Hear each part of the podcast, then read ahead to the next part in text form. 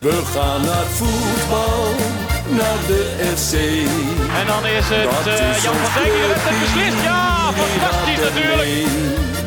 Is tegen Ajax of bij een oor. Roestak en het is 2-0. Roestak met zijn tweede. Juichen wij als FC Groningen weer scoort. FC Groningen is niet echt een club die zomaar een trainer ontslaat. Toch was het deze week raak. Na 14 eredivisiewedstrijden en een bekerwedstrijd neemt de trots van het Noorden maandag 14 november 2022 afscheid van hoofdtrainer Frank Wormoed. Het is geen beslissing die uit de lucht komt vallen. Het is een climax van allerlei zaken die de club de afgelopen periode van haar kern afhield. Het voetballen. Nu is het tijd voor rust. Het WK staat voor de deur. Maar schijn bedriegt. De inkt van de ontslagbrief van Wormoed is nog niet droog of de club komt al voor haar volgende uitdaging te staan. Wie gaat dit tij nog keren? Wie stapt er nu in een club waar werkelijk alles sportief mis lijkt te gaan op dit moment? We gaan alles bespreken met John de Jonge, die gisteren de ALV van de supportersvereniging, waar hij voorzitter eh, van is, weer een goede banen wist te leiden. Maar eh, die ook eh, vorige week de directie ja, haast op het spreekwoordelijke matje riep. En oh ja, er werd ook nog gevoetbald. Kom van in de podcast, aflevering 15 van seizoen 5. Mijn naam is Wouter Holsappel en tegenover mij Thijs Faber. Prachtige introtekst, Hols. Heb jij geschreven? Ik was druk vandaag. John, welkom. Ja, dankjewel jongens. Hoe is het met je? Ah, moe. Ja, ik Moe. zie het aan je. Aan de winterstop toe. En een rustige winterstop. Ja. Ja, je zei beneden al, eh, van, eh, in onze woonkamer van eh, Klaas-Jan van dit is echt even het laatste wat ik doe voorlopig. Ja, nee, maar dat is ook echt zo. Eh, ik kan wel even uitleggen ook waarom. Hè, want wij, ik kan me voorstellen, Wouter, hè, hadden we gisteren ook gezien. Die was echt ook back af. Gudde bedoel je dan? Wouter Gudde, ja, hè, dat, eh, die moet natuurlijk de beslissingen nemen. Maar als SV kom je ook wel onder een soort druk te staan op het moment dat het zo slecht gaat. En mensen die verwachten ook op een gegeven moment dingen van ons. Soms weten wij ook wat meer dingen. Hè, en dan, eh, ja, je kunt niet alles zeggen. En dan moet je echt eigenlijk continu opletten wat je zegt. Hè, van, want ja, kijk, als wij eh, vinden dat een, een trainer weg moet, gaan kunnen we dat niet hard gaan roepen als SV. Hè. Je kunt het intern eh, brengen, maar niet naar buiten toe natuurlijk. Want ja, dat is niet chic. En dat, zo werkt het niet. Want dan zouden we zelf op de stoel van de beleidsmakers moeten gaan zitten. Maar dat geeft wel allemaal druk mee. Hè? Dus, en nou ja, dan moet ik zeggen, dan ben ik heel blij met mijn bestuur, wat om mij heen zit. Een aantal mensen die appjes even sturen in je sterkte wensen. Oud-voorzitters, zoals Jan Westerhof en John Schuren, die even een hart onder de riem steken. Want die kennen het natuurlijk ook op dat moment. Ja, en je ligt er ook gewoon wakker van. Het is wel je club die, nou ja, waar je understatement niet echt mee, eh, goed mee gaat. Nee, dat eh, weet Thijs eh, mooi in het introtekstje te, te verwoorden. Nee, want eh, nou ja, gisteren, dat we, het is nu dinsdag, maandag was de ALV. Dat is voor jullie natuurlijk ook best wel een stressvolle Ja. eh, moment altijd. Eh, ik was er zelf ook bij. eh, dan komen er wat dingen naar voren wat jullie willen veranderen. Eh, mag ik, is er al verslag van uitgebracht trouwens? Oké. Nee, maar roep maar. Eh, de contributieverhoging bijvoorbeeld, dat soort dingen. Ja. Dat zijn natuurlijk wel dingen die, die impact maken. En daar moet dan over gestemd worden. Dus dat is voor jullie wel spannend. Maar ik had wel het gevoel dat jullie een redelijk makkelijke avond hadden gisteren. In die zin dat eh, er weinig eh, kritiek was in de stemmingen, zeg maar. Ja, nee, en het, heeft natuurlijk deels te maken met dat we het goed konden onderbouwen. Hè, waarom de contributie omhoog zou moeten volgend jaar. Maar dat heeft nat- denk ik ook wel te maken dat mensen in hun achterhoofd ook wel een beetje hadden. Oh ja, Gudde komt straks ook nog even Ja. wat vertellen. Dus eh, dat mensen daar ook wat op zaten te wachten. Ja, ga je discussie hebben, dan duurt het allemaal wat langer. Ja, want dit stond al wat langer gepland, toch? Het was niet dat jullie... eh, Nee, nee, we zouden eerst 23 oktober de ALV hebben. Alleen toen kregen wij vertraging met onze Olle Griezen. En dan weet je niet zeker of iedereen geïnformeerd is dat er een ALV is. Nou, dan kun je, dat kun je hem niet houden, hè, want iedereen moet het wel weten. En toen hebben wij toen besloten dat hij op maandag 14 was. Ja, niet wetende wat er gisteren allemaal zou gebeuren. Nee, Ik vind het mooi dat het je- zo, flu- eh, zeg maar, fluïde overloopt in een soort supportersverenigingspodcast. ja, daarvoor zit hij er toch ook? ja, ik denk dat we, ja, we, we, we- maar meteen eh, het hoofdonderwerp even bij de Ja, eh ja grijpen. je kan nu wel bij Fortuna beginnen, maar... Ja, het was een kutwedstrijd. Ja, Maar we ehm, straks er nog over hebben. ja, eh, ja het, eh, Frank Wormoed is ontslagen. John, eh, hoe heb jij ja, misschien gisteren, maar misschien ook de aanloop ernaartoe een beetje beleefd? Nou ja, kijk, dat- net wat jij van mij in de intro ook zei, het kwam niet als een eh, donderslag bij heldere hemel. Nee. Van, eh, de resultaten zijn er lang niet, en niet, langer niet goed. Nou, kijk, de uitspraken die hij wat eerder heeft gemaakt eh, over het bewuste linkerrijtje, de uitspraak, de Iran-uitspraak, die vond ik wel het meest kwalijke, moet ik zeggen. Eh, waarschijnlijk niet zijn intentie, maar ja, hij doet hem wel. Hè, dus dat moet je van tevoren bedenken. Van. Maar ik vond het ook al vrij raar in het begin dat hij na drie wedstrijden de spelersgroep al aardig uh, afzaagde, moet ik zeggen. Hè. Dat, van me zei hij toen iets van ze kunnen nog niet over vijf meter een bal bij elkaar in de voeten naar spelen. Naar Coët was dat. Dat is naar Coët, ja. ja. ja. Dus dat, dat, dat is al een hele toen won, je, aanloop. toen won je nog, hè? Toen won je nog, ja. En daarna ging het natuurlijk een stuk slechter. En dat zal niet allemaal met elkaar te maken hebben. Maar ja, de hele aanloop ernaartoe. Uh, ja, ik, ik, ik had het eigenlijk uh, al eerder verwacht naar Utrecht. Hè, toen ja. na die Iran-uitspraak. En dat we het verloren. Alleen, uh, ja, die directie heeft denk ik besloten om te kijken van nou, tot de winterstop, hou het vol. En dan kijken we. dus, maar ik kan me niet voorstellen dat het alleen op het resultaat van Fortuna is gebaseerd. ik denk dat de meeste mensen die jou een beetje volgen op Twitter en dat soort gekkigheid... dat die zullen wel met mij eens zijn dat jij misschien wel de laatste persoon bent die nou, een trainer eruit zou willen gooien. Want ja, we maken wel grapjes dat je altijd van de positiviteitspolitie ja, bent. Ja.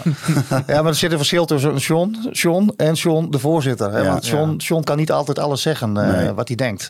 Hè? En laat ik je maar eerlijk zeggen dat John John echt wel dacht de afgelopen weken en al iets langer van dit gaat die trainer niet redden en die moet misschien maar weg.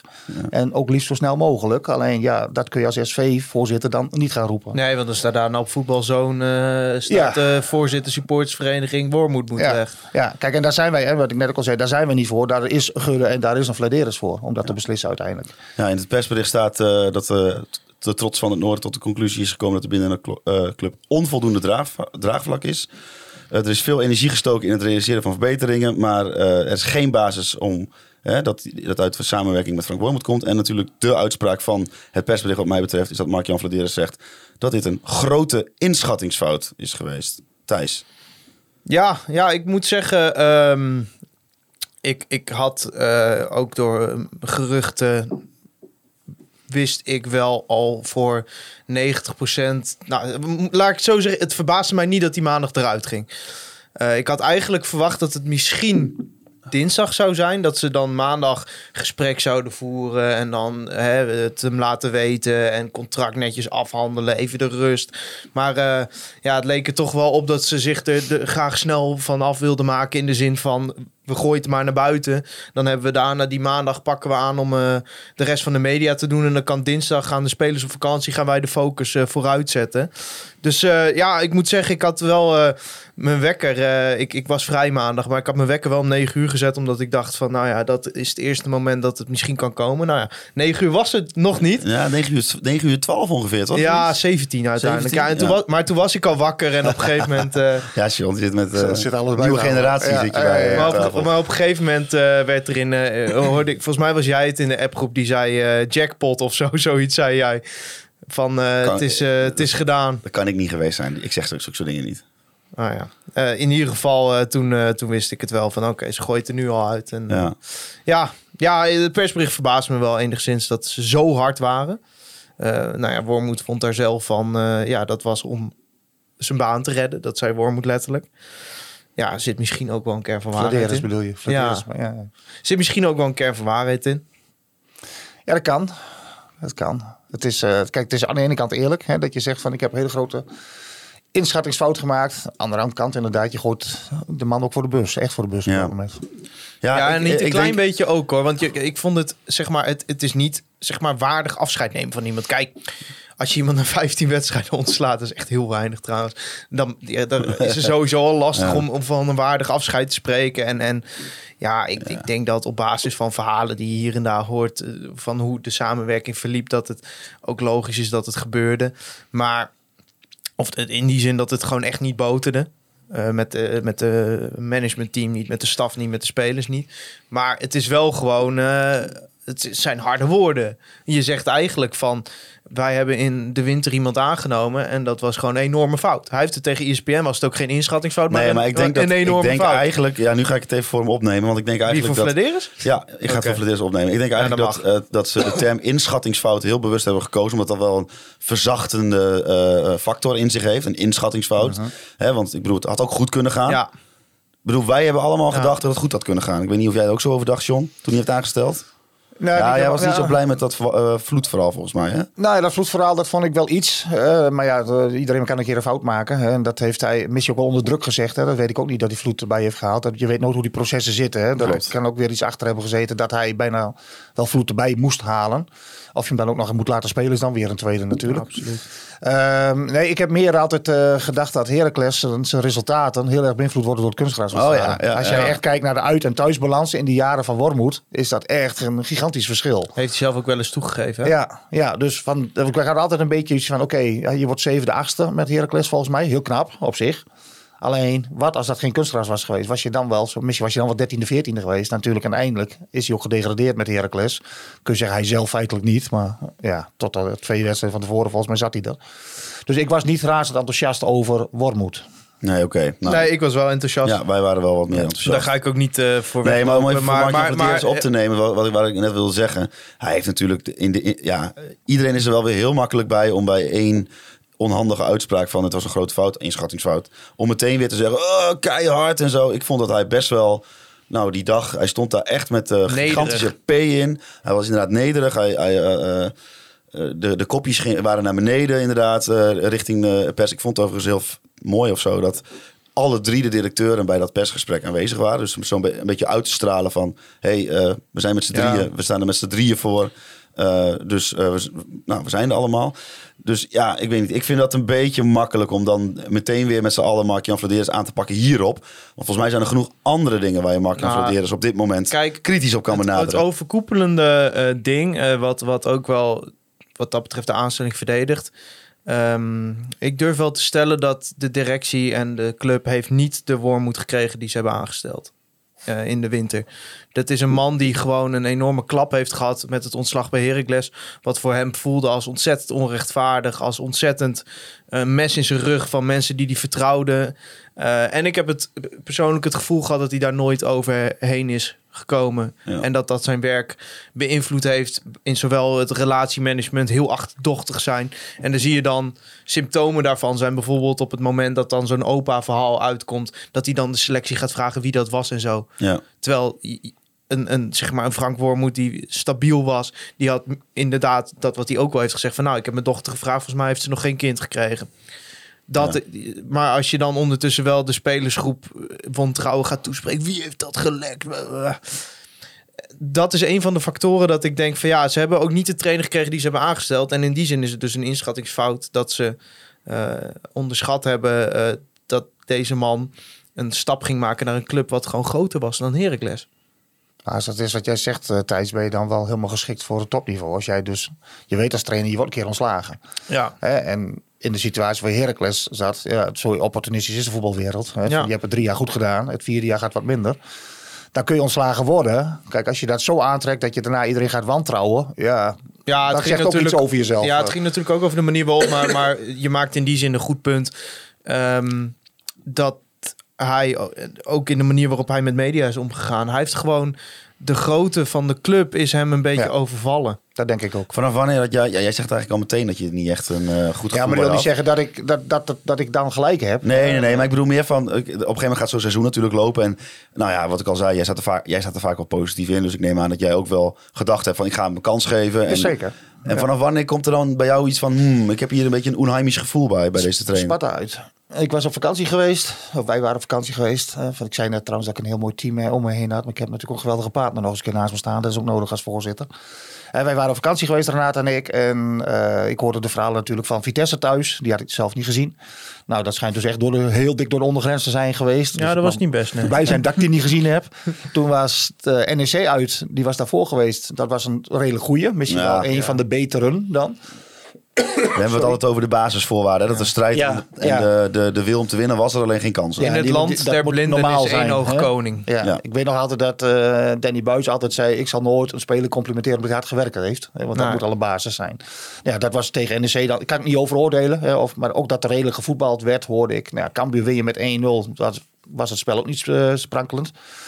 En toen tegen Sparta, nou, er ging natuurlijk echt van alles mis op een gegeven moment. Eh, Is altijd een, een, een, een fijne uitwedstrijd, vind jij altijd? ja, ja, het is een prachtige uitwedstrijd. Je wordt gastvrij daar. Hè. Nou ja, de Sparta-supporters hadden eh, zelfs een fles bier in het eh, uitvak geschonken. Ja, ja, ja. Peter van der Zwan, de voorzitter van hen, eh, en Bart en zo, daar zijn we altijd even van tevoren op bezoek. Dus Maar dat eh blije gevoel werd dus door, op het veld ruw uh, Ja, en dat is dan vooral wat ik eh, dan later kijk je gewoon naar de cijfers en in het vak zit je ook te kijken en niet om hem af te maken, maar Abraham speelde echt een dramatische wedstrijd en dat hoor ik later en dat zie ik op de statistieken 70 balverlies of zo en dan hoor ik na afloop Wormoed zeggen, ik vond Abraham een van de weinigen die goed was. Ja, en dan, ik denk ik altijd van, dan, dan ga ik twijfelen van, ja, maar zien wij dan in het, hè, want ik was niet de enige die dat vond in het uitvak, zien wij dan iets anders als een trainer? Of zit die trainer bewust nu een verhaal te vertellen om het maar goed te praten? Kijk, Ja. en dat, dat, dat zet mij altijd aan twijfel van, nou, dit weet ik niet. Ben je Ja. dan zoekende? En dat was die opstelling, hè, die met 5-3-2 ging spelen toen. Ah, het is altijd lastig. Ik vind altijd dat je een trainer niet moet beoordelen op zijn interview. Zelfs als hij daar uitgrijzen maakt of dingen zegt dat je denkt, ja, jezus, nou weten we het wel. Eh, bij Danny was je op een gegeven moment ook wel klaar met dat verhaal van ervaring en weet ik allemaal niet selectieopbauw. Eh, maar het heeft hem absoluut niet geholpen natuurlijk. Ook nee. omdat ja, hij is een uithangbord van je club. En nou ja, daar- we hebben het er vorige week uitgebreid over gehad met die uitspraken over Iran en zo. Het is zijn intentie niet geweest. Nee. Maar je bent wel de trainer van FC Groningen die zoiets zegt. En daarna zijn er 47.000 columns over geschreven. Is overal FC Groningen de sigaar. Ja, ging ook landelijk hoor. Ik kreeg vanuit, juist vanuit, eh, eh, ik zit natuurlijk in het bestuur van het Landelijk Supporterscollectief, ook van andere voorzitters van, joh, wat is dat bij jullie aan de hand? Eh, Wat zijn dit voor uitspraken? Dat schaadt dus echt de club, hè, zo'n uitspraak. Ja, maar ik Eh, kreeg ook gewoon dan in het klein gewoon vrienden die niks met voetbal hebben. Die, mij gewoon, die weten dat ik veel naar FC Groningen ga. Die zeggen van, wat hebben jullie nou voor trainer aangesteld, Ja. joh? En, en dan moet je die mensen echt maar gewoon beschaamd uitleggen van... Ja, ja, ik heb er ook eigenlijk niks mee. Nee. Ja. Ja. Het is wel... En dat zij, hoeft geen reden zijn om iemand te ontslaan uiteindelijk. Want dat is, volgens mij, is dat niet de enige reden geweest om, eh, om Nee. te ontslaan. Maar ja, het, het- het zegt wel heel veel over eh, de manier waarop hij eh, zich, zich eh, Ja. etaleert. Nou ja, een van de redenen dat hij dus ontslagen is, is dat de werkwijze is onvoldoende aangeslagen. En zo citeer ik uit het persbericht. Wij zijn van mening dat het hem niet is gelukt om voldoende draagkracht, draagvlak te creëren en zijn ideeën over te brengen op staf en spelersgroep. Dat, in, zeg maar, als je, de- dat is inhoudelijk wel echt een hele, hele, hele harde conclusie. Ja. En dan, ja, dan kun je wel zeggen dat het persbericht hard is of zo. Maar ik denk, als dat echt zo is, dan vind ik, dat vind ik nogal wat. Dat je dat dus niet, dat je dus gewoon niemand meekrijgt in jouw plannen. Nou, het was in die zin ook wel een soort van bevestiging dat blijkbaar het, het managementteam dezelfde conclusies had getrokken als die je als buitenstaander in principe. Je volgt natuurlijk wel intensief, je hoort wel verhalen. Die op basis van de wedstrijden die je ziet en de verhalen die je hoort. eh, die, het gevoel wat je bij een trainer hebt. En, en eh, het kan natuurlijk zo zijn dat dat gevoel niet klopt, weet je wel. En dat is bij mij ook vaak genoeg dat dat niet klopt. Of Nou dat ja, het bedoel- veel genuanceerder ligt. Maar ja, dit is wel, het zijn wel harde uitspraken natuurlijk. Ja, maar probeer eens dan zelf voor jezelf te zeggen, wat was dat plan dan van hem? En de- ik, ik, ik heb geen lijn gezien, Nee, ik ook niet. als ik eerlijk ben. Nou, Hè, ja, dus het, is, het is tactisch. hij heeft eh, het ook niet op ons kunnen overbrengen als publiek niet. Kijk, ik, eh, ik, ik ben geen Pep Guardiola, eh, maar tot en met de beperkte tactische kennis die ik eh, heb, ja, dit, het lijkt nergens op. Het, het, het, is, als je gewoon kijkt waar je vandaan kwam, de basis die je in principe had, dat je dan besluit om met vier achterin te gaan spelen. En dan helpt het ook niet dat je backs erbij krijgt die eigenlijk helemaal niet in viermans verdediging kunnen spelen natuurlijk. Maar eh, hij is zo lang zoekende geweest. En, en ja, als je na 14 wedstrijden eh, de wedstrijd tegen Fortuna begint met Iran dus op rechtsbuiten. Die gozer had drie minuten gespeeld of zo tot nu toe dit seizoen. Ook heel snel omgewisseld met Kruger trouwens. ja, Orad Mangroen, die natuurlijk eh, ook gewoon aanvallend gezien eh, teleurstellend is. Dan denk ik van ja, wij hadden zoiets van je bent nu hier eigenlijk... Eigenlijk deze opstelling, daar onderteken je ontslagbrief al mee. Ja, ja, ja. Nou, ja, ik denk wat we net al zeiden, dat, dat, wat- die was al geschreven, denk Ja, ik. Hè. ja, Dat, dat- mag niet uit afhangen van één wedstrijd. Kijk, aan de andere kant, Wormoed heeft al heel snel ook iets geroepen natuurlijk over de selectiesamenstelling.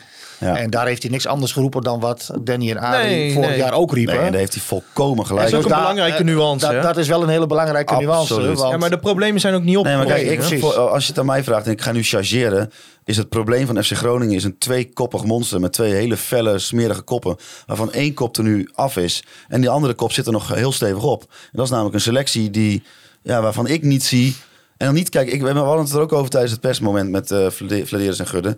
Vladeris blijft zeggen, ik zie dat met deze selectie dat we daar meer uit kunnen halen. Ik zie, en dan hebben ze het, heeft hij het over, de jongens kunnen beter. Individueel geloof ik hem. Ik geloof dat die jongens individueel beter kunnen. Maar als geheel zie ik het niet. Ik ben het met je eens. Ik denk, we hebben het allemaal over de. eh, En dat is denk ik iedereen over eens. Er moet kwaliteit bij. Want het, de, eh, en dan vooral in leidende eh, kwaliteit. Van als ik even denk, wat voor types moet je hebben? Dat kunnen een. ik denk dat je er ook zeker minimaal twee of drie misschien wel moet hebben. Een type Lindgren Mimicevic, dus echt een leider in het. in het elftal. Ik weet nooit, vergeet nooit weer als Mimicevic liep ik een keer, zag het op training. Mimicevic en Doan liep het trainingsveld op. Stonden twee kindjes om een handtekening. Doan ziet ze, loopt zo door. Mimicevic neemt een sprintje, die grijpt hem in zijn nek en die zegt terug. Handtekening zetten, want je hebt nog tijd zat voor die training. Zo'n type die corrigeert.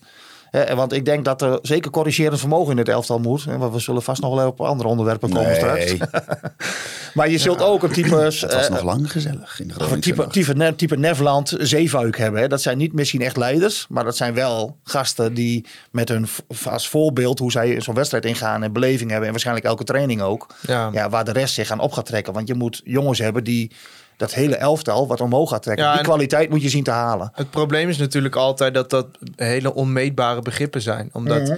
eh, kijk, bij Zeefuik, iedereen zag wel eh, dat hij wat extra's bracht. Maar dat waren altijd, bijvoorbeeld Danny Buis zei dat ook vaak. Ja, maar als je kijkt wat hij verdedigend, Ja. maakt hij heel veel fouten. Ja. En, en, en, maar het is inderdaad wel zo dat het wel types zijn waar je ook publiek mee op de banken krijgt. Ja. Dat is natuurlijk niet het belangrijkste, maar wel belangrijk. Dat is heel belangrijk. En, maar ik denk, hè, dit is halen. Maar ik denk ook echt dat je van een aantal spelers afscheid moet gaan Ja, nemen. ja, nu. En dan maar je verlies nemen eh, op bepaalde spelers. Want ik denk dat de groep, eh, waar we iedereen ook wel weet die je in kunt vullen. Dat die nu, hè, nou, dan noem ik Cyril gewoon maar even bij. Hè, van eh, misschien Casavirtio.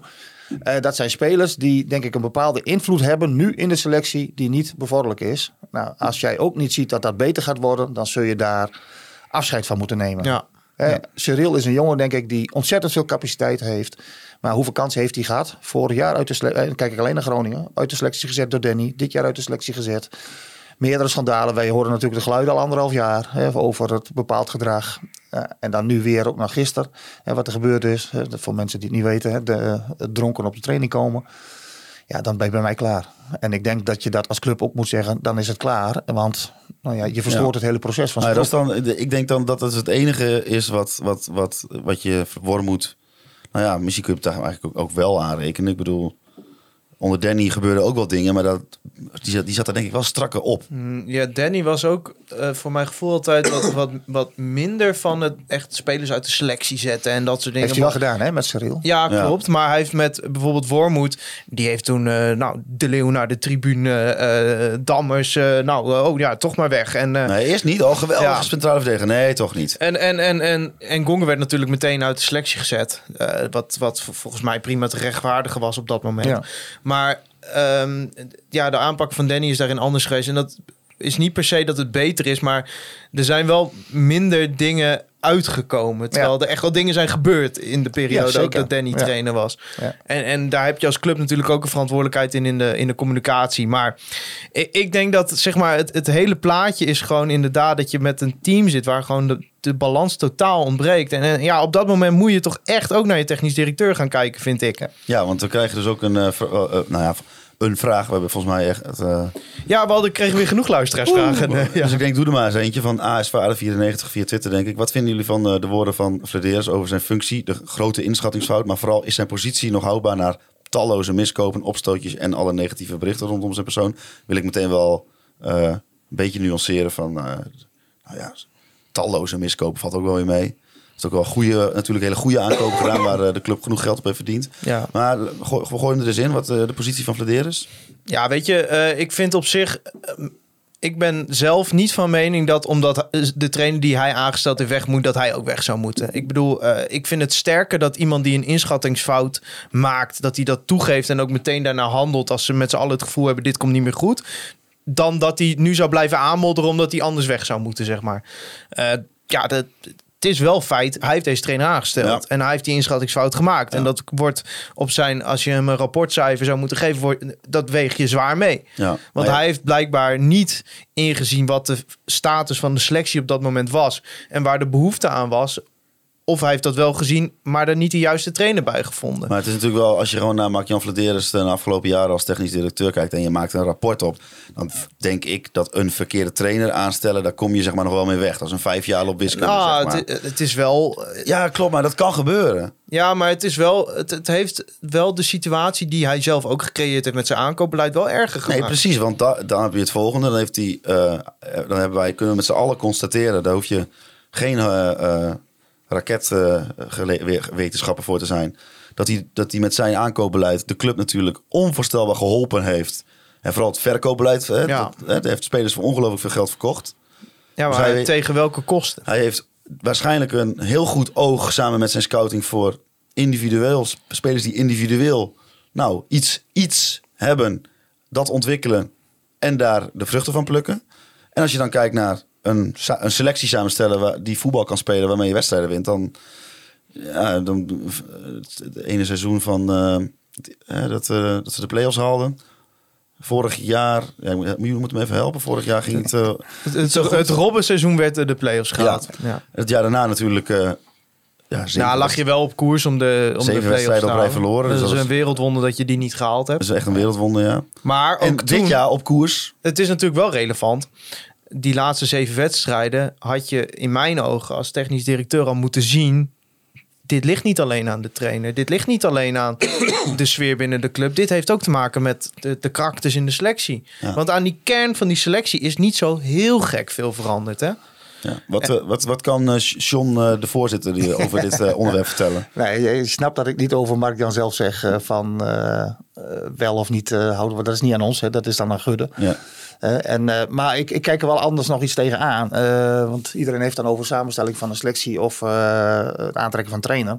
Maar hij is technisch directeur. Nou, ik ben zelf directeur geweest twee keer. Eén keer van een man of 50. eh, en een keer van een man of 150. En laat ik zeggen, vooral vrouwen. Van, van die 150 waren 10 mannen in de zorg, zoals jullie weten waarschijnlijk. Wat is de taak van een directeur? Is niet alleen, eh, dat is teams samenstellen. Hè? Je hebt allerlei disciplines onder je en daar moet jij zorgen dat jij teams hebt die functioneren. En je bent, denk ik, als directeur vooral faciliterend. Jij moet zorgen dat die mensen hun werk zo goed mogelijk kunnen doen. En zo'n team moet je, gisteren Jaap de, of de Graaf had het ook nog even op de ALV, vroeg het ook aan Gudde. Eh, dat vond ik ook wel een hele mooie. Want in zo'n team moet je ook verschillende eh, kenkwaliteiten hebben. Dus niet iedereen hoeft het met elkaar eens te zijn. Je- En als, dat blijkt dat dat dan in zo'n team niet helemaal goed gaat, moet je dat managen als directeur. Nou, kijk, eh, als je nu al even naar Vladeres kijkt. Eh, we hebben op de jeugdopleiding hebben we natuurlijk, is er wel wat gedonder geweest. Hè. Daar is het niet altijd even goed gemanaged. Hè. We hebben Paul Matthijs, eh, het verhaal kennen we natuurlijk wel. Eh, Jeltema weet ik eigenlijk niet. Die is ook al snel weggegaan daar. Ik weet eigenlijk nooit waarom die weg is gegaan. maar- Die was geen vrienden met Mark-Jan Vladeris. Dat Nee, kunnen we wel nou ja, zeggen. Dus, ik. maar dat is er dus daar is iets in dat stuk geweest wat gemanaged moest worden. En misschien niet altijd even handig is gebeurd. In de selectie zelf hè, zie je het ook. dat niet alle karakters goed bij elkaar matchen. Dus daar zul je dan als directeur moeten ingrijpen. Ze hebben, het wel, staf, ze hebben het wel heel leuk met elkaar, die selectie, toch? ja, de selectie heeft wel gezellig soms. Ja. Of ja, de hele selectie niet. Hè? Maar goed, eh, we hebben in de staf, hè, dat heeft zijn eigen zaakwaarnemer van, eh van Wormoed al eens een keer naar buiten gegooid. Hè, Ja. van dat daar Leuke ook niet podcast. een team is hè, wat elkaar versterkt. Nou, en wat heeft die Vladeris aan zijn kont hangen? Dat hij vooral de mensen die dus wat kritiek, kritiek hebben, hè, dat hij daar wat minder mee kan. Eh, dat, dat mening laat, laat ik er buiten of het zo is. Maar je hebt Jeltema, je hebt Paul Matthijs, je hebt Danny Buis, Adrie Polderva- Poldervaart, Edwin Bolt. Hè, laten we die ook niet vergeten als teammanager. Die- Zeker die niet. houdt zich ook niet stil. Dus al die groepen, die moet jij als, als directeur managen. Nou, kijk, een technisch directeur, volgens mij is dat geen opleiding van vier jaar of zo voor. Jij, jij wordt technisch directeur. En Ja. dan kun je wat cursussen doen. Ja, en, Ja. Het moet je, en ik denk dat je heel veel dingen als directeur kun je uit het boekje leren, maar je hebt ook een soort bepaald charisma nodig. Je hebt het aanvoelen wanneer je iemand een aai over zijn bal moet geven, wanneer moet je hem schop onder zijn reet geven. Empathie. Dus dat zijn allemaal dingen die je ook moet hebben. Nou, en ik denk dat daar heel goed door Gudde naar gekeken moet worden. Kan Mark-Jan, heeft hij dat? Heeft hij dat niet? Als hij het niet heeft, kan hij dat leren? Eh, kijk, heeft hij die kernkwaliteiten wel die je automatisch al, of eigenlijk al moet hebben vanuit jezelf? Zo denk ik dat je een technisch directeur moet beoordelen. En niet alleen op die trainer, Nee, want dat ben ik met jou eens. Dat kan gewoon, dat je een keer een mismatch hebt. En, eh, eh, er is geen technisch directeur die alleen maar 100% goede aankopen heeft. Hè? Dus daar kunnen ook miskleunen in zitten. Dat hij goed kan verkopen is een feit. Hè? Hij, heeft, hij heeft een paar Ja, spelers Meijer verkocht voor 6 miljoen. Ja, hè? Dat, Meijer- dat, ja. hal- hielden we allemaal niet voor mogelijk. Die kun je weer niet op zijn scouting gooien, want die komt Nee. uit de jeugd. Hè? Even, zo. Hè? Dus, maar ik denk dat je daar veel meer moet kijken, want hij is directeur. Hij is technisch directeur. En dan gaat het over het managen van, van je dingen. En ik denk als directeur moet jij vooral zorgen dat jouw mensen in je kracht staan. En ik denk de mensen die juist kritisch zijn, die zou ik als directeur juist heel dichtbij me houden. Want dat zijn waarschijnlijk mensen die dezelfde soort visie hebben, of redelijk hetzelfde visie. Wel hetzelfde willen als jij, waar je naartoe wilt, daarmee die club beter maken. En die voeden jou namelijk vaak met dingen. En ja, daar, daar, daar moet je voor openstaan. Precies, dan zie je- In plaats van daar- zeggen, ik wil ze niet. ja. eh, Maar wat dat betreft is de voetbalwereld natuurlijk ook een, eigenlijk een beetje een rare wereld. Want in elk Ja. ander bedrijf word je niet zomaar directeur. Nee, en dat is ook nog eens een keer. In elk ander bedrijf, als technisch directeur, is het echt heel lastig. Want je hebt inderdaad die achtergrond eh, is Ja. niet vereist. Of je wordt het gewoon niet, hè, in het gewone zakenleven niet. Maar je, je bent ook nog heel publiekelijk, is alles wat je doet. Hè? Want als je daar een keer iemand ontslaat in een koekjesfabriek, laat maar even noemen. Dat staat niet in de krant. Of daar zijn niet 20.000 mensen die daar iets van vinden. Zet je Paul Matthijs, zeg je van joh, hè, we gaan met jou niet verder. En dan in een bijzin, in een... eh, in een bijzin, ja, Ja. dan rolt iedereen over je heen. Hè? En ook dat is een, een, een iets wat en niet alleen de technische directeur, de algemeen directeur bij een voetbalclub ook. En je zijn er zelf, er zijn er drie. Kijk, Mark en Oldenbandering, bijna niemand kent hem. Hè? Maar die doet zijn werk, kan die rustig op de achtergrond doen. Hè? Als Ja. operationeel directeur. Alleen, ja, een, een technisch directeur, die staat het meest onder het vuur. En dat alles wat hij doet, ja, dat zal ook kritisch bekeken worden. En ja, dus ik denk dat de club, en daar zal de RVC natuurlijk ook een rol in hebben, die zullen moeten kijken van die kernkwaliteiten die een directeur nodig heeft. Want je moet gewoon kijken wat is nodig als een profiel, als technisch directeur bij Groningen. Past Marian daarin? Ja. En ik Ja, denk want- dat het ook heel niks, niks raar zegt. Want Nee. dat gebeurt denk ik ook bij jou- jouw werk. Of jij je werk goed doet. Eén keer in zoveel tijd wordt er ook naar gekeken. Functioneer jij goed of niet? En, Nou, ik zou niet al te hoge verwachtingen stellen bij de, eh, daar twijfel ik ook al aan. Maar, bij de ontwikkelgesprekken van OogTV. Maar, Maar eh, maar het is bij natuurlijk KVM wel... Media doe ik altijd de gesprekken met Thijs. Thijs is Ja. altijd zeer tevreden over mij. Het is natuurlijk wel eh, heel relevant, omdat... Kijk, als je nu gaat kijken naar de trainer, die, die, er, moet, er moet een nieuwe trainer komen natuurlijk. Dan gaan we iemand nodig hebben die, die ook die capaciteiten heeft op persoonlijk vlak om zo'n groep...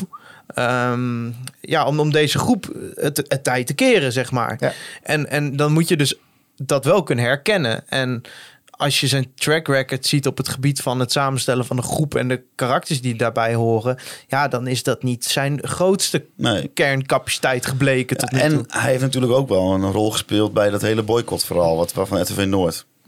Ja, oké, ja, dat is dan één incident, maar ja, je- Nou, ja, je- goed, die telt ze maar op. Ja, nee, nee, klopt. Maar het, heeft, het, het zegt heel veel over eh, zijn, zijn manier van functioneren. En eh, dat is ja, ook managen, hè? Ook dat is managen. Nou Want wat wat, ik al- wat wat, ik altijd- wat je niet moet vergeten, deze man is ook statutair directeur van een bedrijf met een begroting van 25 miljoen. Zeker. Dus je bent niet alleen chef verkoop, chef aankoop. En dan kun je wel zeggen van nou, hij heeft die en die gehaald, hij heeft de club financieel er weer bovenop gebracht. Maar zijn taken gaan veel verder dan alleen dat. En ja, ik vind het volkomen logisch dat daar nu kritiek op komt, want ja, hij heeft er gewoon een puinhoop van gemaakt. Hij niet alleen, maar de club is op dit moment op sportief vlak zeker gewoon een puinhoop. En daar is hij eindverantwoordelijk voor. Ik zeg niet dat hij nu weg moet, maar ik vind het wel logisch dat, eh, dat hij behoorlijk onder druk staat op dit moment. Ja, ja en wat, wat ik er altijd wel fijn vind om bij te zeggen. Hij wil dit ook niet natuurlijk. Hè? Hij wil ook niet de situatie die, puinhoop, nee. die een puinhoop is. Nee, nee. Nee, maar ja, hij heeft het wel eh, ja, voor zijn ogen zien gebeuren, zeg maar. Want, ja, dat is een beetje mijn stokpaardje. Maar ik vind dus dat heel veel problemen die er nu zijn in de- op het gebied van selectie... Kijk, die trainer, oké, daar kon je niet veel meer aan doen, want die had je aangesteld. En daar had je vertrouwen in en, en dat moet je ook geven. Maar ik denk dat heel veel problemen binnen de selectie die er nu zijn... had je in de zomer kunnen zien aankomen. Niet alle, maar je wist al van vorig seizoen en er zijn genoeg mensen die dat toen al riepen, ook rondom het eerste elftal. Ik zal daar geen namen bij noemen, maar dat, dat werd gewoon door veel mensen rondom het eerste elftal genoemd. Ehm, Maar dat werd toch een beetje in de wind geslagen als van, nou ja, goed, eh, die mensen die dat zeiden, die gaan nu weg. Ja. En eh, dus dan bestaat het probleem niet meer. Maar die mensen zijn natuurlijk ook niet helemaal achterlijk. Die werken eh 80 uur per week met die spelers. Die weten ook wel wat er leeft. Ja. En, en blijkbaar is dat dan of onvoldoende erkend dat die problemen er waren, of eh, er is onvoldoende eh, eh, in het aankoopbeleid ge- ingezien of ingeschat wat bepaalde spelers die je haalt voor invloed gaan hebben op dat groepsproces. Voordat we naar de nieuwe trainer gaan. Ik, mijn punt, mijn, eigenlijk mijn punt waarvan ik vanaf het moment dat ik dacht, dit kan niet. En dit is, dit is, dit, zo kun je niet hoofdtrainer zijn van FC Groningen. Was echt, ja, dat klinkt wel misschien een beetje gek, maar was de podcast van Roderick van Kerkhoff. Ik vond daar Leg zo, uit. ja, ik vond daar zoveel van uitgaan, zeg maar, van een eh, niet werkzame situatie. Een, een, een, een zaakwaarnemer die over zijn cliënt gewoon het, de interne was, of noem je het, de interne vuile was buiten hangt. Ja. Op dat moment moet- kun je toch eigenlijk al concluderen, er is iets heel goed fout aan, eh, fout aan de hand. En dan vind ik het, dat snap ik ook wel. Je gaat niet een trainer ontslaan om een eh, podcast, maar gewoon, het, de, je moet daar, daar kon je al zien van, er is iets helemaal niet goed aan de hand. Het is een symptoom van de relatie. Het is een hele sterk, heel Maar, sterk maar symptoom. een ander symptoom was die 100 dagen Frank Wormoed documentaire. Dat hij afsloot met dat hij ineens zei van ja. En ik, eh, ik heb er alle vertrouwen in dat de tweede seizoen zelf goed gaat. En dan Ja. hoop ik dat iedereen die nu kritiek heeft zijn excuses aanbiedt. Ja. Dat zeg je terwijl je op, op dat moment op de 16e plaats in de Eredivisie staat. Ja, dat, dat was gewoon natuurlijk een gênant interview. Ik, Dus het vind, zijn allemaal symptomen. ik vind ook wel, het triggert mij ook wel wat hij zegt. Ik voelde me emotioneel onveilig. Hè, Dat zegt ja, hij heeft een ja. reactie gegeven op, ja, eh, ja dat, dat vind ik wel een, iets van, dan denk ik, ja, wat bedoel je daarmee? Van, wordt er achter je rug om geluld? Hè, dat kan het zijn. Eh, ik kan me ook voorstellen bijvoorbeeld dat hij al wat aanvoelde... dat hij misschien die podcast daarom wel van zijn zaak wanneer bewust de wereld is ingegooid. Eh, dat, dat zou heel Nou, daar kunnen. stond hij achter. Hij stond achter die woorden. Nou, ik kan, daar kan ik zelfs bevestigen, want eh, zonder op in de inhoud in te gaan. eh, hij is die twee dagen voor die podcast is hij bij ons bij het bestuur van de SV geweest. Om eens gewoon zijn visie te vertellen. En daar kwamen heel veel dingen overeen met wat daar ook gezegd werd. Dus die zaakwaarnemers zijn geen dingen die voor ons raar werden. Want we hadden ze ook al van Frank gehoord. eh. Hè, maar dat heeft natuurlijk wel een reden gehad. Waar, ik, denk dat, ik geloof niet dat dat onbewust is gebeurd. Nee, ik denk dat niet. is echt een bewuste actie geweest van zijn zaakwaarnemer om of de boel op te schudden, eh, ik noem maar wat, eh, om, om mensen wakker te maken. Of dat Frank toen al in een soort paniek was van, joh, dit gaat niet goed, ik heb geen grip meer. Dat kan ook, hè, van, eh, maar daar moet iets achter hebben gezeten. Ook wel heel sneu eigenlijk, toch, van Frank. Dat, ik bedoel, het is gewoon een, in principe, in, de basis is het gewoon een aardige vent. Ja, op persoonlijk vlak is het heel sneu, want het is een hele zachte man. Maar het is wel een man die. eh, en zo hebben, hebben wij hem ook in die paar momenten dat we hem spraken in de voorbereiding in juni al. Zo heb ik hem ook leren kennen. Ik kan alleen voor mezelf spreken. Leren kennen klinkt alsof het eh, mijn beste vriend is geworden. Maar het, is gewoon die, die aantal keer dat je sprak op trainingskamp. Maar gewoon de verhalen rondom het eerste elftal. De verhalen rondom hoe hij met media omging. Wat gewoon echt fucking gênant was. Ik heb er geen andere woorden voor. Ja, dat, dat laat zien dat het wel een man is met meerdere gezichten. En een man die onder druk bepaald gedrag vertoont. Wat gewoon een eh, hoofdtrainer van een club FC Groningen onwaardig is. Ja. En blijkbaar eh, was het managementteam het daarmee eens. En ik denk dat hij het nooit gewend is, gewend is geweest. Hè. Natuurlijk, hij is eh, lang bij de bond, een Duitse bond geweest. Nou, met jong elftal heb je geen druk hè, qua supporters of weet ik veel wat. Heracles, niks te nadeel van Heracles, maar is een andere club qua achterban als Groningen is. Ja. Ja, en misschien dat hij daar ook niet tegen En hij is vaak assistent geweest natuurlijk. Hij heeft Ja, nooit eh, die in, die, in, de, in de vuurlinie Ja. gelegen. Nee. Hij is volgens mij drie maanden hoofdtrainer van Union Berlin geweest. Natuurlijk wel Ja, een club met veel emotionele betrokkenheid.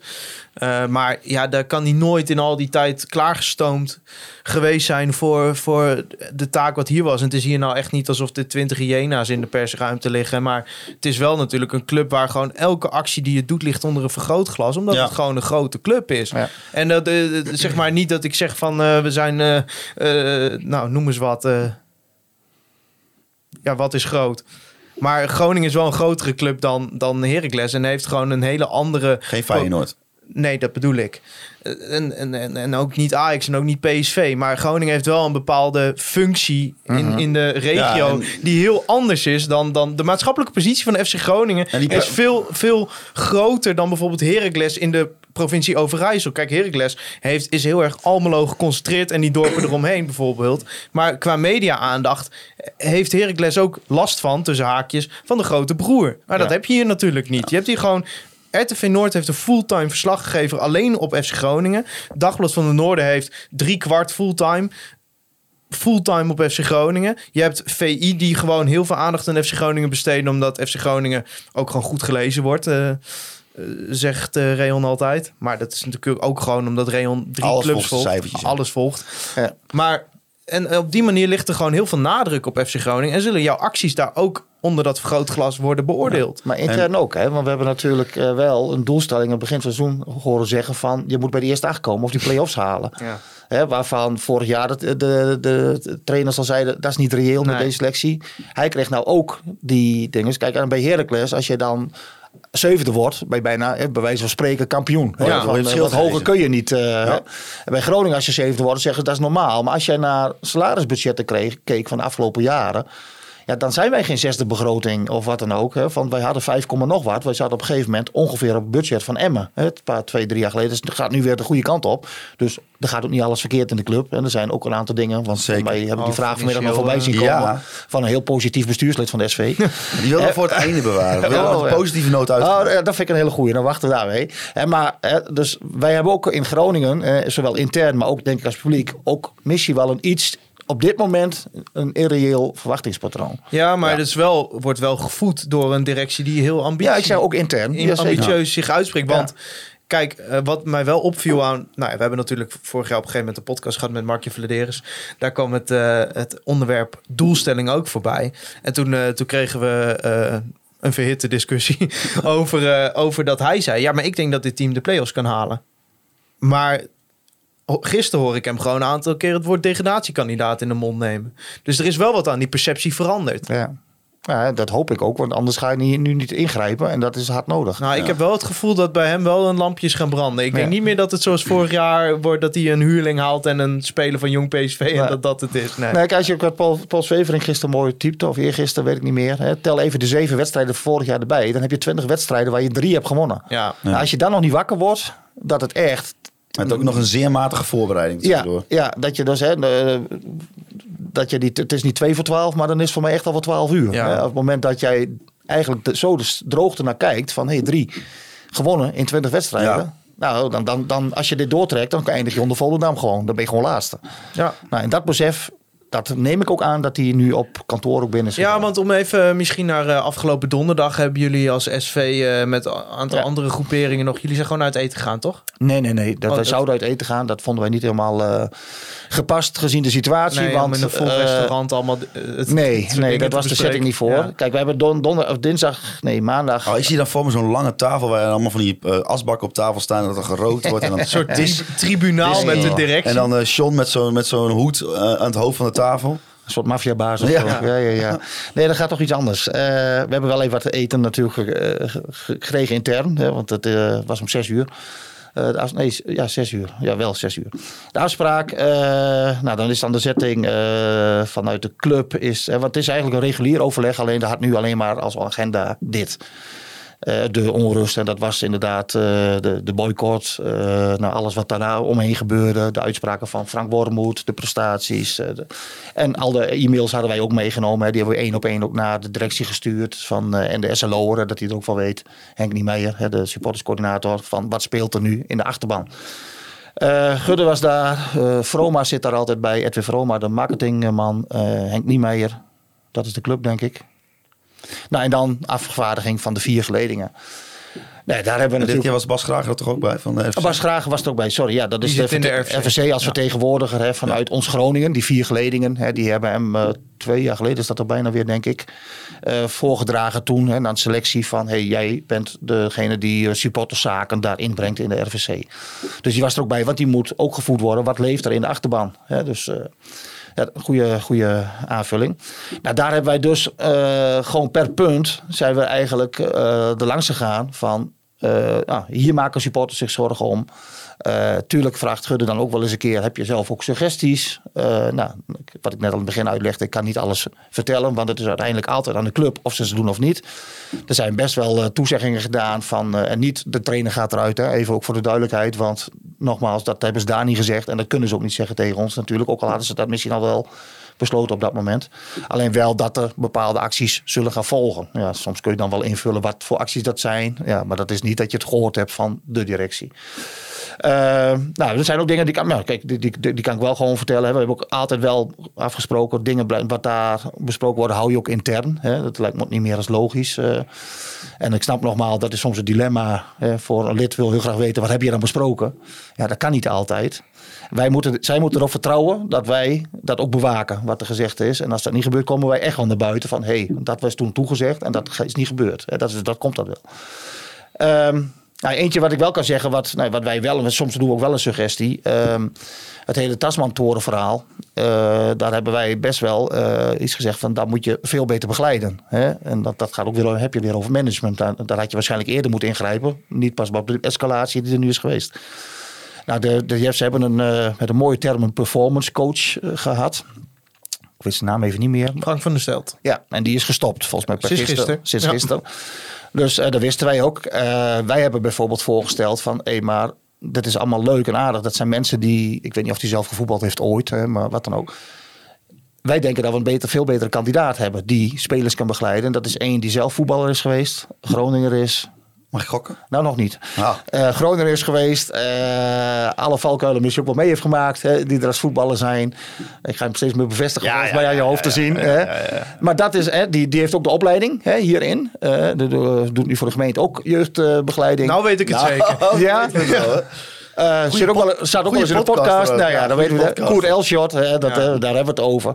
Dat lijkt ons dus een hele geschikte. Want nou, als je Koert, jullie kennen Koert ook je kunt niet echt kwaad op Koert worden. Koert worden. De nee. liefste Koert, man van Groningen. Ja, maar die, is, ja. die weet wat er leeft in de achterban. Die weet wat nodig is voor Groningen. Die weet wat geaccepteerd wordt, wat niet geaccepteerd wordt. Die is zelf voetballer geweest. Eh, nou ja, ik zeg, die heeft ook dingen meegemaakt. In het, uh, die weet wat er allemaal op je afkomt als profvoetballer. Uh, kent, hij is de, de achtergrond hè, van de opleiding heeft hij erin. Ga alsjeblieft die dan als uh, bijvoorbeeld spelersbegeleider er ja, neerzetten. En, en, wacht niet tot hij zelf solliciteert, zeg maar. Nee, precies. Gaan benaderen. Nou ja, dat, dat soort dingen hebben wij ook aangegeven. Uh, dat we daar ook een probleem in zien. En dat, dat is ook niet nieuw, want Levchenko riep het al. Hè? Vroeger spelersbegeleiding ja. bij Groningen is... Dus ja, je kunt daar allerlei wel mensen van buitenaf neerzetten. Maar ja, uh, ik denk dat dat niet altijd werkt. Want als je ook kijkt, we hebben de... Er moet ook een balans in zitten, zeg maar. Ja, zeker. En als je kijkt naar uh, de, de, de, wat de mensen ons allemaal hebben geschreven hebben... dan zijn er twee onderwerpen. Eén uh, was het sportieve natuurlijk, hè, waar mensen zich zorgen over maken. Maar de andere was het hele communicatiestuk. En eigenlijk als je dan weer allemaal leest wat mensen dan bedoelen... en dat is, het is een hele vage term. Dan noemen ze het, het, het Groningen-DNA. Missen ze op beide vlakken. Ja. He, nou, als je kijkt naar de sportieve, dan hebben we dat wat duidelijk. Hè? Dat type spelers die niet helemaal waarmee wij ons uh, identificeren. Of niet genoeg. Hè? Een Soeslof heb je dat waarschijnlijk wel. Een Valente wel. Hè? Dus dat zijn spelers waarvan je wel ziet of denkt van... hé, hey, daar kan ik in ieder geval iets mee als supporter. Ja. Mike Twierik. Ja, Mike, ik, ja, die vind ik soms heel onterecht uh, bejegend door supporters. Want ik denk, mensen hebben het wel... Als je Casanviertje in het centrum hebben mensen het wel eens over. Maar ik, ik heb liever Mike staan dan Casanviertje. Want Mike weet ik ja, 100% Mike dat heeft hij... een slechte periode gehad, maar heeft ja, goed gepakt. Ja, vind ik absoluut. Hè? En dat is een jongen die altijd knetterhard werkt. Die als een prof leeft. En maar zo. aan het begin van het seizoen was het ook bij Mike niet goed genoeg. Nee, nee, nee. Maar die kunnen ook wel. En ik denk dat Missie ook bij Pelopessi dat wel speelt. Waar ik even afkom straks wel terug op donderdag. Bij Pelopessi wel speelt. En Missie zelfs Frips op een gegeven moment even. Er werd zo'n nadruk op gelegd dat er hiërarchie veranderd moest worden. Dat die jongens de leiding moesten gaan nemen. Dat kan ook een druk voor de jongens geven. Dat ze alleen maar daarmee bezig zijn geweest. Ja. En hun eigen spel zijn vergeten. Nou ja, ik ga haak er meteen op aan. Ik word al helemaal pa para van dat hij uh, elke keer als die Pelopessi de achterlijn overloopt... dat hij dan met zes, zes keer met zijn handen omhoog doet om het publiek op te Ja. Dan denk ik, joh, ga even voetballen, vriend. Ja, maar als er iedere keer hoort, jij moet dat doen, jij Ja. moet dat doen. Hè, en jij bent misschien helemaal niet uit jezelf automatisch al zo. En jij loopt al eerst even weer, want hij heeft heel lang niet gevoetbald hè. Dat je dan hier in één keer eh, al die wedstrijden weer moet maken. Dus je moet ook eerst op je eigen niveau komen. Kom jij daar niet, word je al minder serieus genomen door je ploeggenoten. Zo werkt het Oh, ook. Precies, van oh, dat zal de leider wel even zijn. Ja, ja van, hey, laat eerst zelf eens even wat zien. Zo Ja. werkt dat hè, in een proces. Dus ja, eh, dat, dat, dat, daarom denk ik ook, Mike kan dat ook even gelast van gehad hebben. hè. Maar je gaat op zo'n met zo'n overleg ga je echt wel echt specifieke dingen ook behandelen. Dus, ja, zeker. dus de positie van bijvoorbeeld een trainer of een market verdedigers komt dan ook echt wel te sprake. Ja, want wij zeggen, hè, dat zie je ook in die mails, dat heel veel mensen twijfelen hebben of Mark-Jan de goede is. Ja. De goede TD is. Nou, dat geven wij dan ook aan. En want wij moeten wel. stelling daarin? Of? Eh, als we dat doen, dan blijft dat altijd binnen kamers. Ja. Hè, maar Maar het gebeurt wel. zeg het maar, gebeurt je wel. Niet op elk onderwerp. Hè, want ik zei, dat is voor ons eh, ook wat, wat lastig soms. Eh, dat, maar, dan, maar soms zeggen we ook wel onze persoonlijke meningen. Ja. die, en die wordt ook gevraagd. Hè? Die wordt ook wel gevraagd. En hoeveel gewicht denk je dat dat heeft? Eh, dat zal zeker meespelen. Hè? En, want kijk, wij, wij, wij, wij vertegenwoordigen drie, eh, formeel 4300 man ongeveer. Hè? Dat is het aantal leden wat je hebt. We hebben natuurlijk de meningen kennen wij van een man, schatten wij altijd in 300. Hè? Op social media en zo, dat is een Ja. vaste groep. We hebben natuurlijk een hele grote stille meerderheid, waarvan wij niet weten. Nee. Ja, hoe kijken die tegen? Misschien interesseert ze het niet, kan ook. Nee, want jij noemde net bijvoorbeeld dat communicatievraagstuk. En ik denk best wel vaak van dat is iets wat mij aangaat vanwege de achtergrond, vanwege dat ik deze Mhm. podcast wel eens maak, maar ook als supporter natuurlijk gewoon. Maar ik denk ja, misschien eh, dat er een heleboel mensen zijn die dat niet zoveel kan interesseren. Nee, zeg maar. precies. Dus daarom Ja. verbaast het me wel. En eh, dat bedoel ik niet van dat het slecht is dat ze niks interesseert, maar die hebben daar gewoon andere, die, die interesseert iets anders Nee, in een precies, voetbalclub. ja. Ja. Die zoeken iets anders in een voetbalclub. Dus, maar, maar dat was wel alsnog een thema, dus de communicatie. Communicatie, en daar, daar, daar, zeggen wij ook wel wat van. Hè. van eh, wij hebben ook gezegd bijvoorbeeld van ja, eh, RTV Noord. Wij snappen heel goed dat je soms wel eens je even doodergert aan de media. Hè, doe ik zelf ook. Want Nee. bepaalde media zal ik dan maar noemen. ja, anders gaat de stekker er niet uit.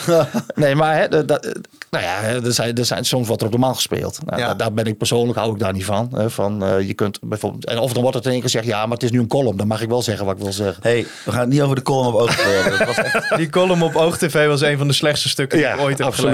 gelezen. Ja, nee, maar de, ik die vond was, het ook niet goed. Nee? Nee. Nee. Ja, maar die was ook puur op de man. Hè, van, eh, nou en ik denk, ik moet niet eens noemen. Maar als mensen nog lezen ook, het als je niet eens. Zeg maar, zo van eh, dat je hem ook echt als Wouter aanschrijft. Ik heb dat trouwens één keer. Ik dacht dat is dat hij over mij ging. Maar ik heb, dat een keer, ik heb dat een keer ironisch naar Erwin van der Looy gedaan trouwens. Dus voordat mensen mij daarop aangaan.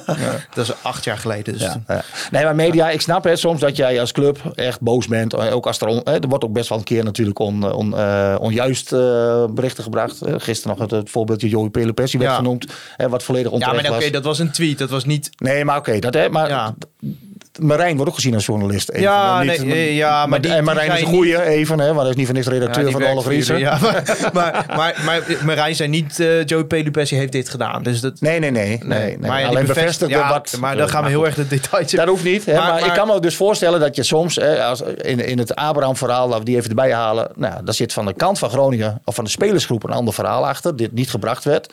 Kan ze reden hebben. Eh, laat ik allemaal even in het midden, want daar wil ik gewoon niet over oordelen. Ehm, dan kan ik me voorstellen dat je boos wordt. Maar Ja. wij hebben ook gezegd, vergeet niet dat bijvoorbeeld een RTV Noord eh, een hele groot eh, informatiebron is voor al je hele achterban. Ja. Hè, de, wij, wij zijn, jullie zijn wat jonger, ik iets ouder. Maar wij zijn ook thuis op social media. We hebben ook een hele grote achterban bij Groningen. Die luisteren graag naar de radio. RTV Ja. Noord is volgens mij de best beluisterde regionale omroep in Nederland. Maar dat kunnen jullie weten jullie beter dan ik. Maar in ieder geval redelijk goed beluisterd. Waarschijnlijk niet. Dat is een slechte omroep. Ja, oké. maar eh, misschien sinds Stefan er is dan weer minder, maar goed. Nee, dat doen ze goed. Ja, hè, nee, maar hè, dus, ah, dat, die, dat, dat, je moet wel beseffen, op het moment dat je zegt, die bedien ik niet meer, of daar ga ik niet meer eh, interviews voor doen, ja, dat beperk jij ook je, je bereik naar de supporters. Dus je, je eigen supporters beperk jij in informatievoorziening. Los even of jij die goed vindt of niet. Ja. Ja, dat soort dingen geven daar dus eh, ook wel duidelijk aan. Van, joh, Ja. Hou daar rekening mee en probeer daar wel uit te komen. En ik, nou, Alfred, eh, mijn medebestuurslid, maar al voor mensen die op Twitter zitten, die gaf ook heel mooi aan. Je kunt dan met de zeggen, mooiste baard van Groningen. ja, absoluut. En je kunt dus zeggen van, eh, op een gegeven moment maak het goed. Onder voorwaarde van, je krijgt nog maar één interview eh na afloop. Nou, die gaf een heel mooi voorbeeld. We winnen van Fortuna met 3-0, drie keer Peppi en eh Leeuwburg stopt twee penalties. Dan wil hij ze toch wel heel graag. En ik denk niet alleen hij, iedereen wil hoor, eh, allemaal horen. Ja, dan kun je zeggen, ja, maar dan komt de een bij ESPN en de ander komt bij RTV Noord en de derde komt bij Dagblad. En Oog zal ik dan ook nog even noemen, daar komt er ook nog één. Zeker. Hè, dan, ja, die ga je niet alle vier langs. Om te zeggen wie was daar, wie was daar, wie was daar. Dus net zo praten wij dus bijvoorbeeld over dit. En Dat is maar een voorbeeldje. En, en hè? dat wordt dan ook wel serieus genomen. Ja, zeker, Ze moeten ook zeker, wel misschien, ja. eh, maar... Ja. Ja, hè, maar datzelfde hebben we het ook wel eens aangegeven over radio-uitzendingen. Hè, van de live bij, eh, ik weet ook dat dat er natuurlijk een discussie is geweest. Moet dat naar Oog, moet dat naar RTV Noord of wat dan ook. Ja, wil je het, euro- het grootste bereik hebben, Ja. ja. dan zal je dat toch bij RTV Noord eh, moeten doen. Want dan heb je de hele provincie. En ik weet niet, ra- radio zal wat groter zijn. En ik wil jou nu niet... eh, Nee, nou, nee, nou, mijn persoonlijke mening is vooral, ik snap niet waarom ze niet dat oog ook laten doen. Want, Dat kan ook. Want ja. eh, ik denk echt niet dat RTV Noord er heel veel mee verliest. En het is denk ik wel goed voor de lokale omroep om, Ik, dat eh, te doen. ik zeg als buitenstaander, eh, het slaat als je als FC Groningen Club van Stad en Omland bent niks nergens op om dat aan de stadsomroep te geven. Nee. Nee, maar eh, zeg maar, ik vind het raar dat er niet een situatie is waarin het niet gewoon allebei kan. Nee, klopt. Dat is bij heel veel clubs wel zo. Maar dat goed, kan ook, hè. Van, maar je, ik, kijk, En ik weet wel dat de, de regels zijn wat eh, niet zo zwart-wit daarin geloof ik. Maar er zijn wel eh, clubs die daar een, eh, noem je dat? Wat Ja. eh, oogluikend Ja, oké, maar dat, dat zijn hele op- specifieke voorbeelden. Maar Zeker. in, brede zin... voor- Het gaat ons erom. Ik, in brede zin ik is er, nu voor eigen. Ja, maar in Ja. brede zin is er in de club een ontwikkeling gaande dat ze heel graag heel snel alle content in eigen handen willen Ja. hebben. Terwijl aan de communicatiekant het natuurlijk eh, de afgelopen 2,5 week wel is gebleken dat ze daar echt niet eh, eh, toe in staat zijn op dit moment om dat goed te regelen. Nee, dit, we hebben ook voorbeelden gegeven, hoor. Sorry. Gaat Ja, goed nog eh, wat water, John? hè, ja, het is op. Als jij nou even naar beneden Ja, ik haal gaat even wat water ik, voor je. eh, Hou jij, hou jij John aan de praat? ja, ik hou John aan de praat. We hebben ook voorbeelden gegeven hè, van, eh, over communicatie. Nou, hè, die had dat artikel van Wouter gehad in het dagblad. Hè, waarin hij het uitlegde van de hele situatie. Maar wat ga je daarna krijgen? Wie is, de, de, de prijsvraag. Wie is jullie held? Ja, er is dus, wij hebben ook Ja, gezegd. dat was van eh, OG Clean Ja. Fuels. Die, die hadden Ja. een gesponsord bericht, zeg maar, Ja. van wie is jullie held? Ja. En dat zal ingeroosterd staan op die dag. Maar dan denk ik, is er dan niemand even op kantoor die zegt... Even wachten. Nee. Dat is ook voor de sponsor beter hè, om even te doen. Want je wilt dat graag dat dat een serieus iets is. Hè, want je doet dat niet voor niks. Ja, nu krijg je dus, kun je erop donder op zeggen. Dat kun je ook verweten van tevoren. Dat daar honderd keer Stefan Bleker onder Ja. komt te staan. ja. Ja, dat zijn geen handige dingen. Hè. En andere communicatie. En dat is dan meer in het stadion. Hè, van, ja, waar ik bijvoorbeeld, waar mensen zich aan geërgerd hebben. Als, als jij verliest, dankjewel eh, Wouter. Eh, als jij verliest van Ajax thuis, dan is het, hoef ik niet gewoon een omroeper te horen die gelijk de Ajaxide feliciteert. Nee. Dan denk ik, doe dat nee, even die, niet. die, die mening delen wij. Dus allemaal van dat soort dingen. Dat zijn hele kleine dingen in de communicatie. Maar wij geven dat wel aan. Nee, en ik heb, maar dat heb ik al in het begin eh, tegen Wouter gezegd. Ik weet nog dat Wouter een keer na een jaar was hij in functie. Daar hebben we samen eens even gegeten. Om een beetje te kijken hoe ging dat. En ik meen echt, we hebben een topdirecteur aan Wouter Gudde. Dat meen ik eh, echt, echt uit de grond van mijn hart. Alleen, toen heb ik ook gezegd, je hebt één fout wel gemaakt op dat moment. En dat was Bas Kamminga ontslaan. En eh, Bas wil ik ook echt een, een, een, een lans verbreken. Want die was een jongen die komt uit de, de supportersweg. Hè, die, is eigenlijk, die is eigenlijk gewoon Als hobbyist. begonnen? Ja, die is gewoon een hobbyist eh, daar geweest. Die toevallig op later op een gegeven moment ook betaald kreeg. Hè, zo zie ik het er altijd maar. Ik denk ook niet kapitalen betaald kreeg. Los daarvan. Die ik ging altijd checken als er dingen naar buiten gaan. Hoe zal dat vallen bij de supporters? Als er iets in de ticketing gebeurde, ging hij eerst kijken hoe werkt dat als gebruiker. Ja, en dat mis ik gigantisch. En ik niet alleen, want dat lees ik ook in al die mails terug die wij gekregen hebben. Dat, Iedereen wil stukje. Groningen gevoel. Iedereen wil het, Groningen Full, full disclosure. Voel aan, wat, laat meer van voel aan wat de Groningen supporter. Full disclosure, Voelt. Bas is een vriend van ons, dus dit kunnen we moeilijk nu gaan tegenspreken. Nou ja. Maar ik ben het wel met je eens. Ja, ja nee, maar ik, heb- ik heb, wij maken er als SV natuurlijk blijkbaar gebruik van. Want Ja. wij, hè, de, de club is gestopt bijvoorbeeld met programmaboekjes, hè, ook Ja. met de seizoengist. Dat zijn ook kleine dingen waarin mensen voelen er is verwijdering, afstand naar de club toe. Nou, die hebben wij dan opgevangen, het programmaboekje. Hè. Wie, wie doet dat? Dat doet Bas Kamminga. Hè, dus daar zijn wij Ja, en dolgelukkig dan heeft mee. hij ons al drie keer genoemd, dus daar zijn we Ja, ook heel blij daar mee. wij- kunnen wij onmogelijk negatief over zijn. Ja. Dus even doorblijven of hij mij wel heeft genoemd. Want, eh, Het eigenlijk staat niet. vast in de colofon ergens linksonder. En ik denk dat ongeveer de helft van al die mensen die hij interviewt komen ook uit onze, uit onze hoed. Dan krijg je elke dinsdag weer... Jongens, kennen jullie nog iemand van Fortuna? Maar dan vraagt hij mij ook. Ja. Ja, dat vraagt hij mij ook. Nee, Nee, maar- maar, hè, kijk, dat, dat zijn wel dingen waar, waar wij het dan over hebben op zo'n zo'n donderdag. Van, joh, Ja. vandaag voelen wij verwijdering. Eh, het zit hem ook in kleine dingen. Wij geven ook wel suggesties van, eh, eh, je kunt zeggen, hey, op die, noem maar even het hek dicht op de training. En dat is natuurlijk ging op een gegeven moment ook eh, wat mis. En er werd ook wel strubbel over, eigenlijk al bijna over. Hè, tussen media, Stefan ook weer en eh, de club. Nou, het hekje is nou open. Maar je kunt ook een stap verder gaan. Zet daar op vrijdag bijvoorbeeld gewoon een thermoskan koffie in die dugout. Ja. Dat mensen weten, hey, het is niet alleen het hekje open is. Ik ben ook echt welkom kost ja, bij de club. 1,20 euro en dan Eh, hele Ja. kleine dingen. Hè? En nou ja, dus mensen die. Maar hoe reageert... Want ik, ik, als ik dit hoor, denk ik meteen... Ja, leuk, doen, doen, doen. En ik zou dan meteen dat doen. Maar hoe reageert dan de club? Is dat Ja, heel nee, dat- stroperig? Nee, nee, nee, nee, nee, echt niet. Want de Gudde gaat echt open zo'n gesprek in. eh, Dus dat is echt wel. eh, Nou, nou, ik heb nog geen koffie gezien, eh, John. nee, maar het is- nog een leuke vrijdag geweest met de training, denk ik. Nee, Eh, oké. Maar dat, dat is dus echt hebben wel- niet eens dat- een Ik weet niet of ze dit dit concreet moment. gaan doen, maar wij geven dit bijvoorbeeld als suggesties Ja. aan. Hè? Nou ja, dat zullen we straks in december moeten kijken. Goh, eh, voel je je inderdaad nog een beetje meer, eh, meer thuis. eh. Hè, nou ja, dat zijn andere dingen. eh, hè, dat zijn ook dingen die waar mensen zich ook wat verwijdering voelen, waar de club zelf niks aan kan doen. Dan krijg je gewoon een goede uitleg. Hè? Want dat is het ook. Hè? Niet alles wat wij aangeven. Doet de club bewust. Soms, Nee. hè, soms zijn er ook dingen die kan de club niet anders. Eh, noem maar wat. wedstrijden in de regio. Hè, oefenwedstrijden. Nou, wij willen graag een keer een leuke wedstrijd tegen een leuke tegenstander hebben. Maar zij krijgen geen enkele vergunning om met publiek te spelen als het een Duitse club is, of een de Belgische, of een Engelse. Dus je komt al snel in die Spaanse clubs, de Ja. Osasuna's terecht. Want dat is dan een veiligheid ding. Dat is allemaal veiligheid. En Ja. eenmaal nu in de nieuwe voorbereiding, wat heb je daarin zitten? De kerstvakantie. Nou, reken niet dat de politie ook maar één agent beschikbaar heeft in de kerstvakantie voor een oefenwedstrijd van FC Groningen. Nee. Nee. Kijk, alleen daar gaat het erom. Communiceer dat. Hè? Dat jij zelf heel graag met publiek speelt. Alleen dat je dus de- gewoon niet de mogelijkheid hebt om het te doen. Dan snapt iedereen dat. Hè? Maar daar zit het dan wel in dat je dat moet communiceren en uitleggen waarom dat is. Heb je vertrouwen dat er op het gebied van communicatie bijvoorbeeld dat daar veranderingen gaan plaatsvinden? Weet ik niet. Moet zien. Kijk, maar dan blijven wij aan de bel trekken. Kijk, wij hebben dit overleg. hè, de- eh, even voor jullie ook nog. Het is een eh, regulier overleg. Nu ging het echt alleen maar hierover. Eh, dat is één keer in de zes weken of zo gemiddeld. En daar zijn ook hele leuke initiatieven uitgekomen. En daar wordt ook gekeken naar het shirt bijvoorbeeld. Het uitshirt. We krijgen het ontwerp al vroeg te zien. Hè, van eh, nou, wat zullen we volgend jaar. Want dat zit bij een proces van een jaar. Hè, voordat je weet wat voor shirt. eh, voordat die eh, helemaal uitgedokterd is en klaar is. Dat kun je ter plaatse. Die hele concept van die Noordtribune met die, met die spandoekenconstructie. Hè, dat, dat wordt daar bedacht. eh, dus ook besproken. Dus eh, die, die, die eh, bier, te- eh, hoe noem je die, containers op Noord. hè. nu komen er ook containers op eh lange zijde. Het is dus niet alleen maar een Noordtribune gesprek. Want nou ja, wij zijn als SV ook natuurlijk absoluut niet alleen voor de Noordtribune, maar voor alles. Dus je spreekt daar ook heel veel constructieve dingen aan. En, maar we zullen dus dit wel blijven monitoren. Hè? De punten die wij hebben genoemd en ingebracht. Van joh, hoe staat het dan nou mee? Want je kunt ook niet verwachten dat de club bam en het is de volgende dag beter. Hè? Dat kan niet, dat is een proces. Maar het is, eh, de club staat wel open voor altijd eh, voor dit soort suggesties. En nou ja, dat vind ik wel heel, eh, een heel mooi iets. Hè, dat, en dat, dat is wel te danken ook, nou ja, mede, vooral aan Gudde. Hè, dat hij gezegd heeft, ik wil altijd zo'n structureel overleg. Want dan kan ik ook gevoed worden. Ja, ik, eh, we hebben heel veel vragen genoteerd van eh, luisteraars. Maar je hebt in dit eh, relaas van de afgelopen 20 minuten... denk ik heel veel van die vragen al wel een beetje be- eh, behandeld. Eh, we kunnen nog even de chronologie oppakken. Want dan is de trainer weggestuurd. En dan eh, wordt het ineens gezellig op, eh, op, de, op de ochtendtraining. Ja.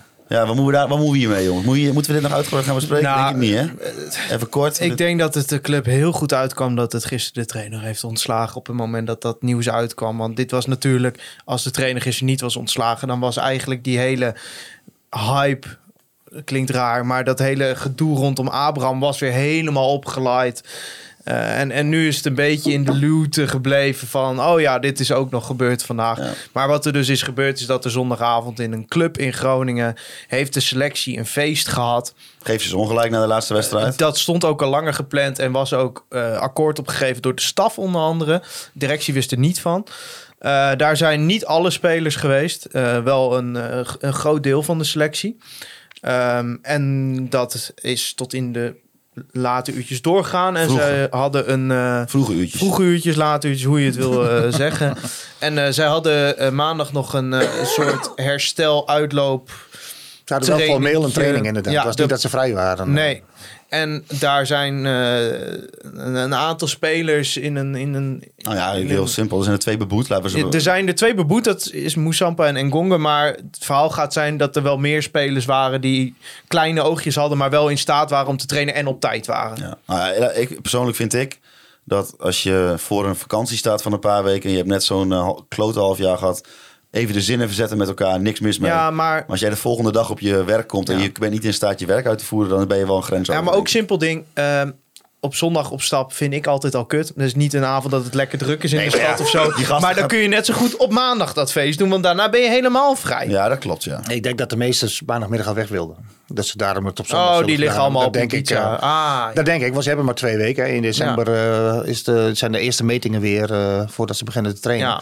Ja. kijk, ik ben vooral weer met eh, wat je, Wouter net zegt eh, eens van als je echt een, nog een verplichting hebt de volgende dag. Kijk, als je nu gewoon vrij was en ze waren allemaal gebeld, joh, er is trouwens meteen belangrijk nieuws, je moet naar de club komen. Dus dan hadden ze Ja. al vakantie gehad, had ik er totaal geen probleem mee gehad. Maar op het moment dat jij nog wel een, gewoon een verplichting hebt hè, op de club, je moet Ja. gewoon werken, Ja. even eh, plat gezegd. Ja, kijk even bij jezelf. Als jij maandagochtend dronken op je werk komt, dan wordt je baas ook niet blij. Nee, maar kijk, ik vind heel eerlijk, ik een kater oké, weet je? Als jij, Ja, tuurlijk. nou, het is niet professioneel, Denk maar als ik zo'n dan Jan, als, als je dan dan kunt Als ik functioneren, dan Jarno oké. Vorintold was, had ik wel even gezegd bij zo iemand met een kater van, doe jij nog even een rondje extra, Ja. weet je wel? Met volle intensiteit. Precies, gewoon even, weet je, even erop. Dat, maar kom op, we gaan niet moeilijk doen over een bij, Nee, bij een absoluut. En, en, laat me vooropstellen, ik vind het juist goed dat ze met elkaar een feestje hebben. Absoluut. Want eh hè, teambuilding, we hebben het er net over. En, en ik heb gehoord dat echt heel veel spelers er waren. Dus dat is alleen maar mooi.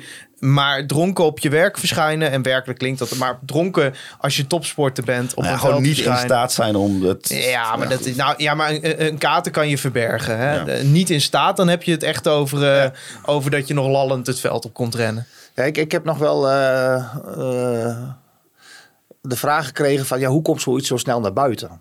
Ja, En het, ik denk dat spelers van Groningen zich moeten beseffen dat ze in Groningen zelf een heel groot voorbeeld zijn. Hè, van, en dat zeg ik niet dat je niet een keer een biertje mag drinken of wat dan ook. Hè, totaal niet. Nee. Alleen, kijk, in een hele grote wereldstad, als je daar voetbalt, en daar zijn ook, waar ook, en dan helemaal niks Groningen wil ik nu niet klein maken, hè, maar stel in Amsterdam, daar zijn veel meer beroemdheden en wat dan ook. Hè, maar hier in Groningen, wat zijn eigenlijk, heel plat gezegd, de 20 grootste beroemdheden van de staat? Journalist van Oog en de spelers van FC Groningen. Ja, precies. en Piet van Dijk. Ja, je het kijken. Ja, maar dat vergeten ze wel eens, denk ik. Dat je in, Ja. in een stad als Groningen is gewoon een, Ja. wat dat betreft een groot dorp. Ja, maar wij kregen ook zondagavond al verhalen Iedereen. doorgestuurd. En dat beseffen ze niet bij altijd. iedereen. Ja. En, maar kijk, dat, het is ook wel hoe het met... eh, ik had het met eh, Alfred er gisteren over, eh medebestuurslid. Die zei, ja, het gaat ook wel snel tegenwoordig met Zeker. social media. Eigenlijk heb je altijd journalisten om Ja. je heen staan. Want Ja. iedereen heeft de camera op zak en alles. Maar ja, het is ook onderdeel van jouw werk dat je dat beseft. En wat je er dan van vindt... Daar gelaten. Ja. Ik, ik ben de mening toegedaan dat het prima is dat spelers af en toe een feestje Ja, hebben. eens. Ja.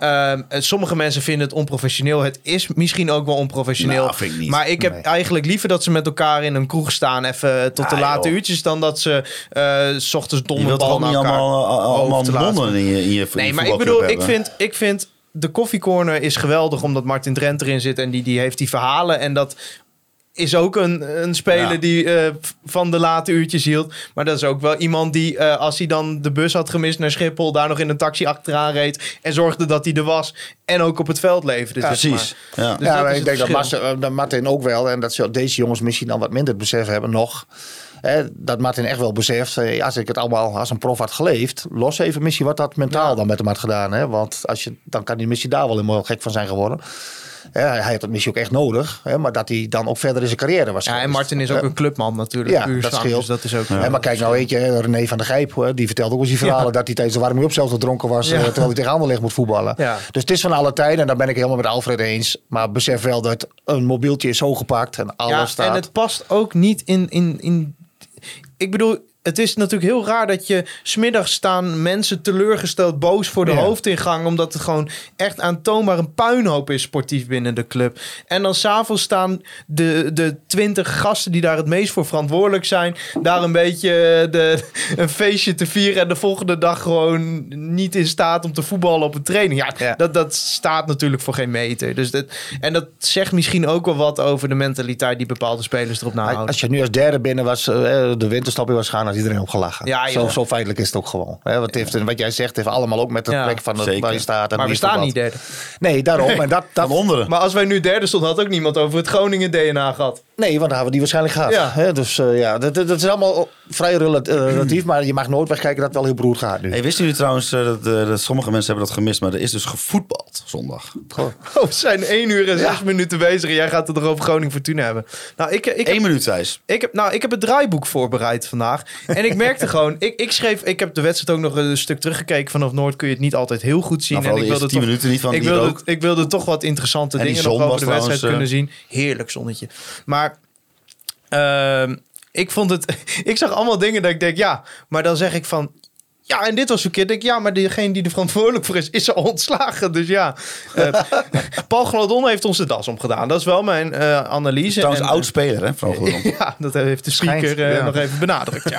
maar eh eh Burak Yilmaz was al heel eh, gevaarlijk de hele wedstrijd. eh, en eh, die werd nog gevaarlijker toen er ook nog een bliksemafleider was. En wij hadden op dat moment nog een trainer die daar niet in staat was daarop te reageren. En er was eigenlijk tot de 75 minuten niet zoveel aan de hand. En toen stortte de boel eh, in Ja, ik vind eigenlijk de bottom line eh, van deze wedstrijd is dat mensen zeggen: ja, je kunt je- de persoonlijke fouten kan je als trainer niks aan doen. Nee, maar als jij als trainer je in de situatie laat eh, manoeuvreren dat je constant eh, mensen in de persoonlijke fouten drukt. Want Groningen had gewoon de hele wedstrijd controle, hè?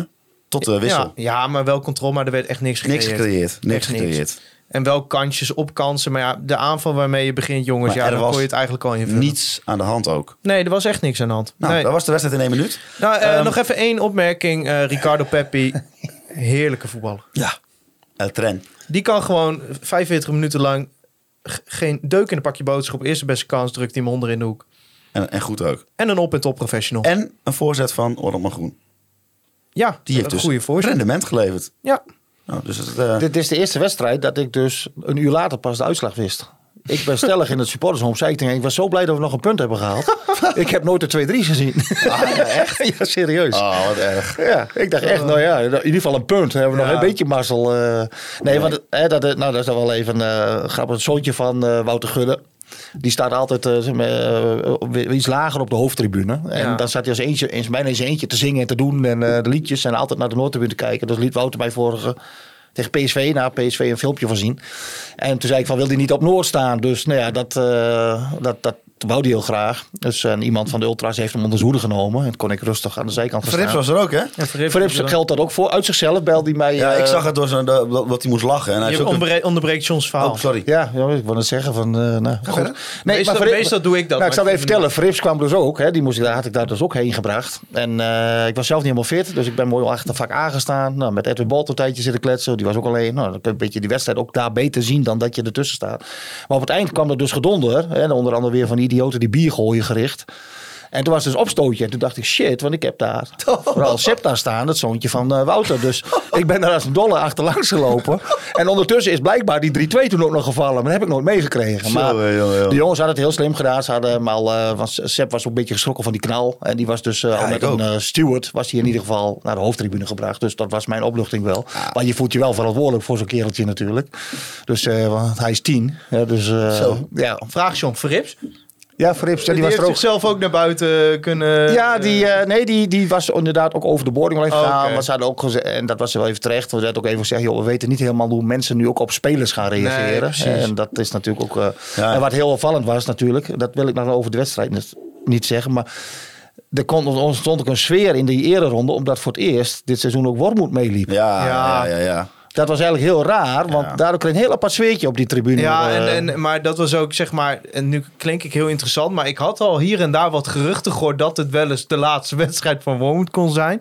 En toen dacht ik echt van, ja, dit is gedaan. ja. Ja. ja, ja, dat was heel bijzonder. En dat, nou ja, dat was, maar daardoor heb ik dus nooit Ja. de 3-2 gezien. Hij heeft wel afscheid kunnen nemen. En zijn naam werd gescandeerd terwijl hij afscheid nam.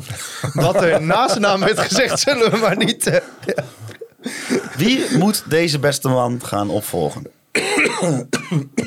Zo, ja, de million dollar question. de million dollar question. Ik denk, je moet echt kijken van, nou ja, we hebben het weer een woord profiel. Ja. Wat is nodig nu voor deze groep? Wat hebben wij nodig? Wat, eh, daar, daar moet je eerst mee beginnen.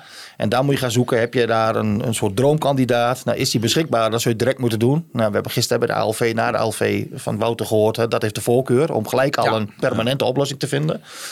Nou, dat, dan in mijn ogen wat beschikbaar is, twijfel ik of daar gelijk eh, een droomkandidaat tussen zit. Yep. Nou, dan zul je moeten kijken, zit die droomkandidaat bij clubs waar je, waar je weg kunt halen? Ja. Ja. en kan dat niet, dan zul je een interim moeten eh, nemen Nou tot ja, de zomer. Ik, eh, ik had eh, de, de vrije gedachte van als rancune niet zou bestaan, zou Danny Buis de ideale man zijn om dit halve jaar te doen. Ja, ik Ja. zou dat niet eh Nee, verstandig ik vinden ook niet. moment. Maar gewoon, dat was gewoon mijn gedachte van... als je toch één iemand moet bedenken die die groep even twintig wedstrijden lang het, vuur aan de schenen legt. En daar in ieder geval weer Ja. een vechtmachine van maakt. Ja, dat is een, Nou, i- nou ik, ik, ik, eh, waardeer, goed, hier- ik waardeer je utopische ik, denken. er zit er waarschijnlijk een technisch directeur dan... eh, die, nou, niet, dat hij- niet, niet dat hij dit luistert, maar die verslikt zich nu ongeveer in zijn koffie. Nou, ik denk dat het hem wel vaker verteld is, eh, dit eh, verhaal de, de afgelopen dagen. Nee, ja. eh, ik, ik, heb Danny hoog zitten als trainer. Ik, eh, ik heb hem hoog zitten als trainer van FC Groningen. Ik denk alleen niet dat het nu momenteel Ja, goed, dan eh, blijft alleen Joop Gal over. Eh, eh, Zijn wij nou de enige podcast die niet voor Joop Gal gaat pleiten? Nee, dat, dat kan Die ik heeft een marketingmachine achter Ja, zich. Dat ja. is niet normaal. Nou ja, gisteren op de ALV zelfs nog, hè? Henk de Haan. Ja, ja, eh, Henk Daan, die ja. zei, ja, nou, met Joop gebeld. Kan die niet? Die heeft wel interesse. Wij hebben wel veel verdienen, hè? Ja, maar niet voor een appel en nij, zei hij. nee. Nou ja, kijk, je moet wel kijken naar eh, een beetje een, eh, een cv van iemand. Ja. Nou ja, en dan moet het wel een stevig cv zijn in mijn ogen. Of in ieder geval één die al wel in de eredivisie redelijk wat wedstrijden de trainer is geweest. Hè, van, eh, ja, persoonlijk, ja, ik ben zelf al aardig gek van uh, Jozef Oosting. Ik, Hè, dat eh, eh, ook. lijkt me een hele goeie. Komt uit het noorden, hè, dus een beetje het mentaliteit eh, wat hij ook eh, kent. Eh, ik denk dat dat, als je kijkt wat hij met RKC presteert, dat is gewoon top. Hè, want die hebben wel een van de laagste spelersbudgetten die Ja. er zijn. Doet het goed, volgens mij is het voetbal ook redelijk wat eh, RKC speelt. Hè. Schijnt in de omgang ook prettig te zijn. Ja. Dat is ook eh, belangrijk. Of ik Ja. bikkel had is, weet ik even niet. Ik ga Nou ja, hij heeft gooi- bijvoorbeeld wel eh, eh, op papier moeilijke jongens als eh, Michiel Kramer, uh, Bel Ja, Hassani. Heeft ja. hij wel echt in een team gekregen, zeg maar. Kijk, Ja, heeft dit weekend nog een kopstoot uitgedeeld. Dus misschien Nou, niet nou. de beste timing. Nee, maar en, en moeilijke jongens klinkt ook altijd zo. Weet je, Bel Hassani is ook ouder geworden en dat is gewoon een goede voetballer. Dus dat, dat komt er ook allemaal wel uit. Maar hij weet een, een jongen als Michiel Kramer wel te raken. Ja. dat zegt wel iets inderdaad. Nou ja, je wordt uh, Hedwiges Maduro, wordt veel, hè, dus lees je veel. Ja, Hedwiges heeft natuurlijk van mij de papieren nog niet eens. Nee, maar die zou bijvoorbeeld, denk ik, als je eh, als assistent bijvoorbeeld wel passen. Ja, als je, dat zijn maar assistenten, maar we hebben nu een assistent. dus- Ja, dat is waar. maar, Ehm, maar dat, ja, Ik maakte even een snelle optelsom, maar dat die is ook uit de lucht gegrepen. Eh, Arne Slot was laatst eh, onlangs nou, dat lyrisch, wilde ik net. eh, lyrisch over de werkwijze van Marcel Keizer. Eh, de oud-assistent van Arne Slot hebben we al. 1 1 is 2, dus dat zou een optie zijn. Ja, we gaan hem er toch even ingooien. Eh, Marcel Groningen, Dick Lukien. Ja, ik, het, is, het is niet mijn optie. Ik snap dat heel veel mensen hem graag willen. En Marcel Groninger Marcel is, Is een Groningen, eh, dat wil ik nu al zingen. is een talentvolle eh, tacticus. Ehm, ik denk alleen dat het afbreukrisico om die twee namen op dit moment voor de groep te zetten, dat dat niet. eh, Wil Dick weghalen in de win- dat zal in de Dat winter, ook nog. gaat hij hem in de steek laten. Dat zo zal dat voelen bijna. Ik weet niet of hij dat, dat überhaupt zou willen. ja. Kijk, Dick, eh, weet ik wel, als je veel spelers eh, vraagt, eh, wat oudspelers van hem, die lopen allemaal met hem weg. Hè. Virgil van Dijk, noem maar als voorbeeld en zo. Die zeggen allemaal, ik heb het meeste geleerd van, van, van Dick Lukien. Dus alleen, ik, ken- ik ken hem niet hoor. En ik, ik weet ook niet of Dick iemand is die, nou ja, ook precies bij dit, de huidige selectie past. Maar je gaat hem natuurlijk ook veranderen, hè, die selectie. Ook dat is natuurlijk weer Ja. Iets Ja, van, maar- ja, hoe ziet die selectie er straks uit? Want die moet veranderd worden. Ik vind Dick nou, nou niet echt briljant pre- presteren, bijvoorbeeld. Tuurlijk, het gaat verder dan Overleef je alleen het nog, prestaties. Maar, eind? eh, Of, eh, Wat zeg je? overleef je het nog ja, ik hou het nog wel net vol mee. Dus ik, ik vind Dick niet briljant presteren ook. Eh, maar hij heeft natuurlijk Emma ooit naar de Eredivisie gebracht. Twee dat is natuurlijk eh, heel, heel goed, Ja, twee toch? keer. Maar sindsdien heeft hij wel een begroting waarvan ik vind dat hij wel iets beter zou moeten. Maar dat heeft Ja. natuurlijk met meerdere zaken. heeft ook met scouting te maken, aankoopbeleid. Maar goed, het is niet FCM een podcast. En wij zijn ook niet RTV Drenthe podcast. Dat we Nee. het de helft van de tijd over een andere club hebben. Maar, En, nee, eh, maar Marcel Keizer, om daar nog even op terug te komen. Ik heb Waar die- zit hij nu? Eh, die zit nergens, Nee, volgens mij. maar die, niet- die die is heeft geen wel- Die heeft wel recent twee hele dikke contracten gehad. Dus die, eh, die, die, Die zit goed in de slappe was. Ja, maar, maar ik, ik zat ook die podcast met Arne Slot te luisteren. En ik vind als Arne Slot iets. Ik vind Arne Slot de beste trainer die Nederland heeft op dit moment. Dan zegt dat wel iets. Als die zegt dat is een goede trainer. In de Eredivisie of überhaupt Nederland. Nee, überhaupt. Maar Met eh, Hag. ook ja. ja. Ja, bold statement hè. Ja, die kale gasten Kijk, zijn goed, hè? Het enige waar ik bij. Marcel Keizer een beetje moeite mee heb, is, eh, is, is de vorm. Namelijk eh, dat hij klinkt alsof hij net uit Café Manca Ari in de Jordaan eh, komt Ja, dat lopen. Dat, is voor. Ja, dat Maar maakt natuurlijk niet wel, uit. eh, Maar hij heeft natuurlijk wel bijvoorbeeld al in het noorden bij Cambuur dan gewerkt. Dus dat, dat- ja, En dan uh, Ja. Peter Bos. Ja, ook. Die is, nou, die is beschikbaar. Ja, is Ja. Ik denk alleen dat hij Lyon bij. Lyon 4,5 miljoen per jaar verdiende, zoiets Ja, maar die, die is wel weer toe aan een succes. Natuurlijk een club Ja. waar hij wat van kan maken. En je kunt niet veel slechter doen met Groningen Nee, het moment. nee, dat is waar. Oh, opletten. oh, maar als Peter Bos kan komen... Ik ben een- een- niet de grootste Peter Bos fan, maar dat is meer omdat ik denk altijd van ja, eh, eh, heel veel prijzen wint hij niet. Maar bij Groningen gaat het natuurlijk niet om prijzen winnen. Ik weet ook nog dat eh, Wouter Holsappel voor de bespreking ook nog een mooie naam noemde.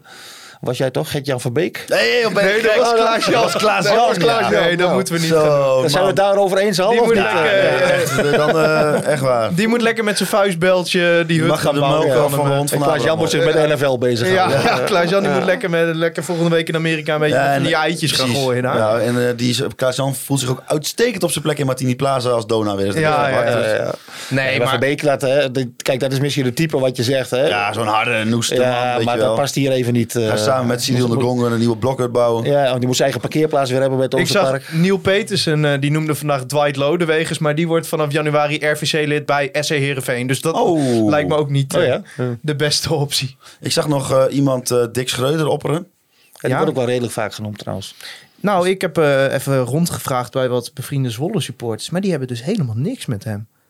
Die, eh, die zeggen van eh, wisselbeleid, geen pijl op te trekken, eh, heeft geen plan B, is in de communicatie heel matig. En, Oh, dat past hier goed. Ja, dus, nee, maar die, die zijn helemaal niet tevreden over hem. Terwijl volgens mij, ik, ik was de mening toegedaan dat hij het heel knap heeft gedaan bij Zwolle.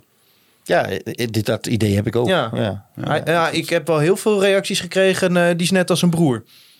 De, maar, Ja. nou, dit proces, ik geloof trouwens niet, Mark-Jan Vladeris, die moet natuurlijk voor de bühne zeggen dat het proces nu gestart wordt van een uh, Nou, een nieuwe trainer. Maar dat is niet zo, denk ik. Maar wat als je uh, Art Langelen, wat vinden jullie daarvan? Wat Als interim. Artje interim. Art interim. Ehm, Nee, Artje interim. Daar mis je ook wel eens hoofdtrainer. Alleen, niet. alleen als hij die blogs blijft ja, die schrijven. blog moet wel doorgaan. Nee, ik denk niet dat, eh, dat, dat Art nog eh, in 2022 ergens hoofdtrainer moet worden. Maar als interim, eventueel.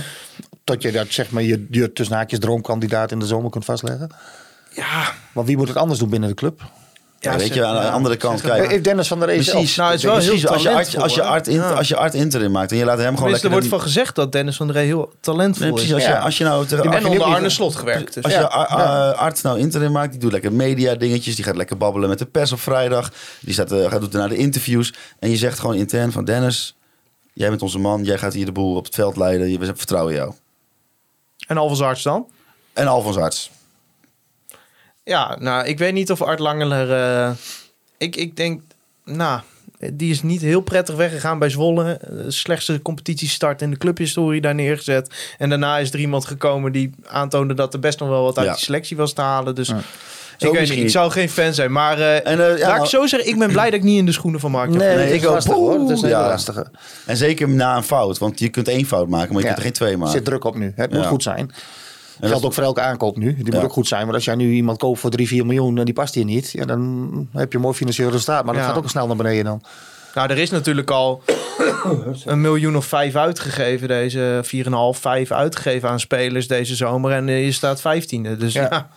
Nog even een, eh, een ene laatste dingetje. Het laatste dingetje wordt echt de vraag van Sjoerd-Jan. Maar het ene laatste dingetje. ehm, eh, nou, bijvoorbeeld, we hebben natuurlijk... Cyril de Gong heeft nu weer een boete gekregen. Eh, ik denk dat het misschien het beste is als hij op zoek gaat naar een nieuwe club.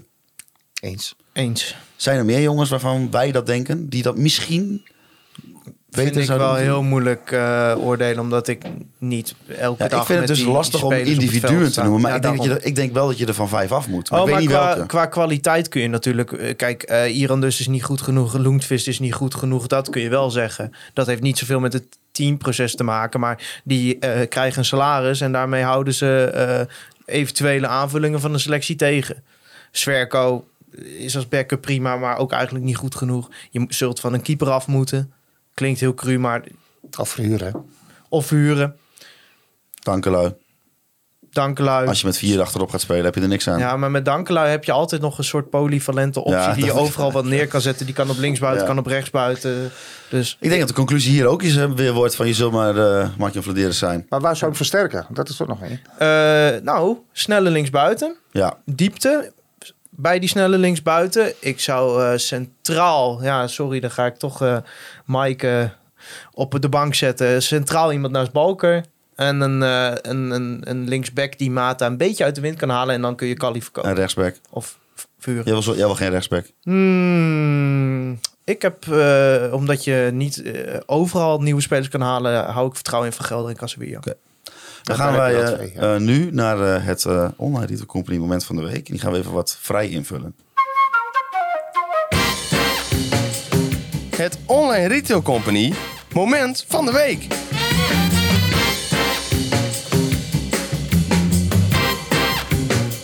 Want in het online retail company moment van de week bespreken wij het moment van de week. Gesponsord door onze vrienden van de online retail company. John, die bent nu echt onderdeel van onze sp- sponsor item. Ja, maar John luistert nooit, dus die weet niet Nee, Ik luister geen enkel, jongens. Sorry jongens, ik, ik heb daar geen geduld Wij Oh, wij hebben zijn ook, eh, niet boos geweldig Gronings bedrijf.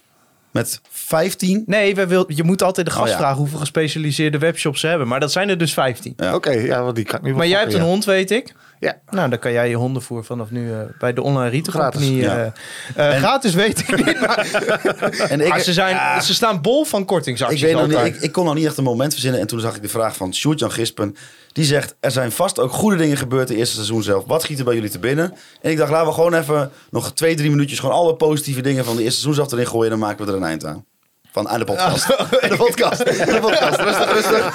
Het gaat goed met ons. Nou, met John Hoes wel wat, maar Ja, dat komt wel goed. Eh, Radinho Balker. ja. Ehm, het feit dat er afgelopen zondag op 70 kaarten na het hele stadion uitverkocht was. Ricardo Peppi. Het feit dat wij... Weet je, hoe de- dat, weet je hoe dat kwam? Nou? Er waren heel veel Turken die voor Yilmaz kwamen. Echt waar? Ja, ook eh, Turken uit Oh, dat- Noord-Nederland. dat Want er waren vind ook ik heel veel Du- Turken uit Duitse, van de Duitse kant. eh, Oh, dat vind ik wel echt leuk. Ja. Oh, vandaar dat ook dat nummer van tevoren speelden. Hè? Van, eh, Denk ik, ja. Ja, Tarkan eh, Ja. gespeeld, ja. Ja.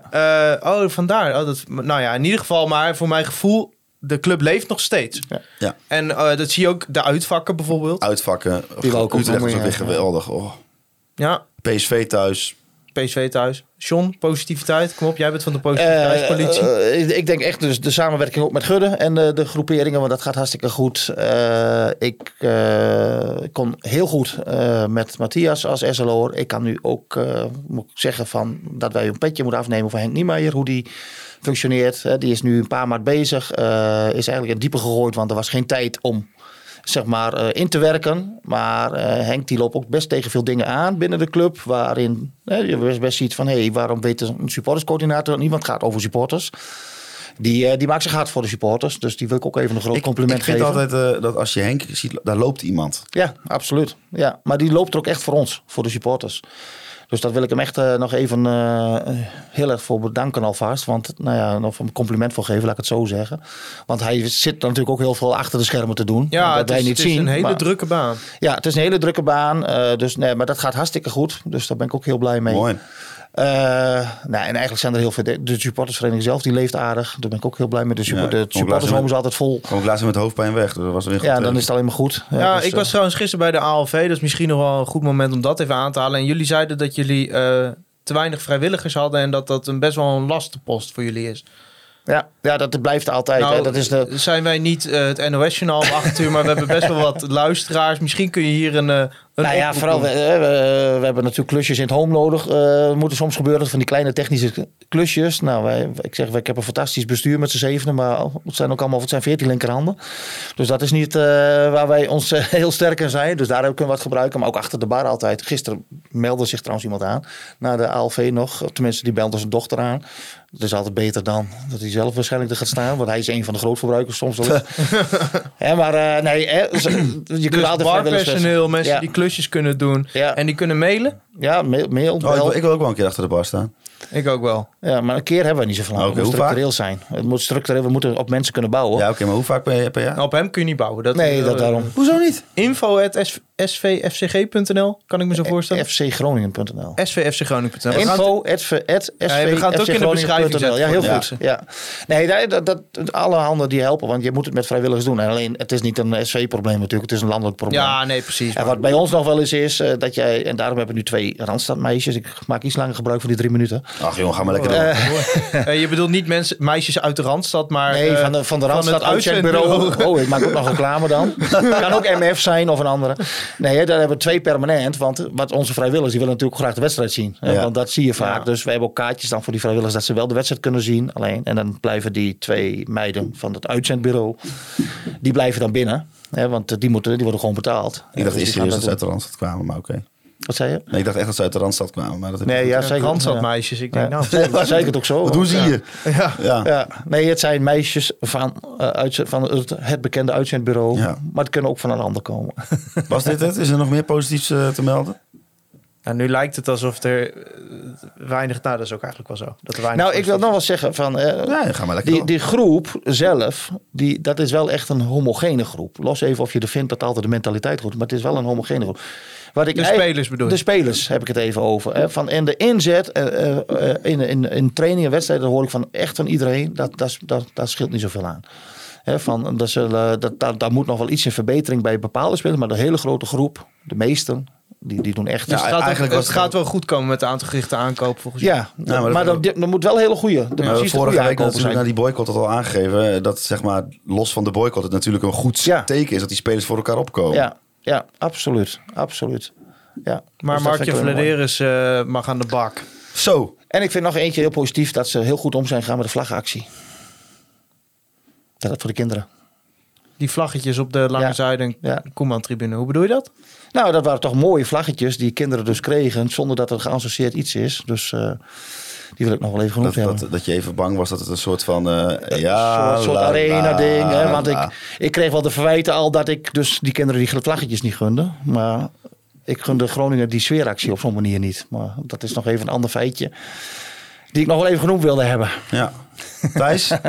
Ik ben qua positiviteit er doorheen. nou, eh, ik heb qua positiviteit nog gewoon dat... eh, Wormoed weg is. nou ja, Thijs. klinkt heel cru, maar ik denk dat het wel de juiste stap is. Zo wil Ja. ik hem insteken. Zeker, dat is het ook zo. Maar ik vind het ook wel sneu voor hem. Maar wat ik nog eh, dat positief aan toe wil voegen is dat ik gewoon... Ik heb ook niks nog tegen de persoon Nog steeds... En nog, ik- ik zeg nog steeds alsof ik al jaren naar FC Groningen ga. Maar dat als ik thuis op de bank zit en ik weet FC Groningen gaat straks spelen. Dat ik gewoon, dat, dat ik gewoon zin heb om naar het stadion te gaan. Ja, dat heb ik ook. Dat vind ik ook positief. Ja. Nou, laten we dat nog even twintig keer doen.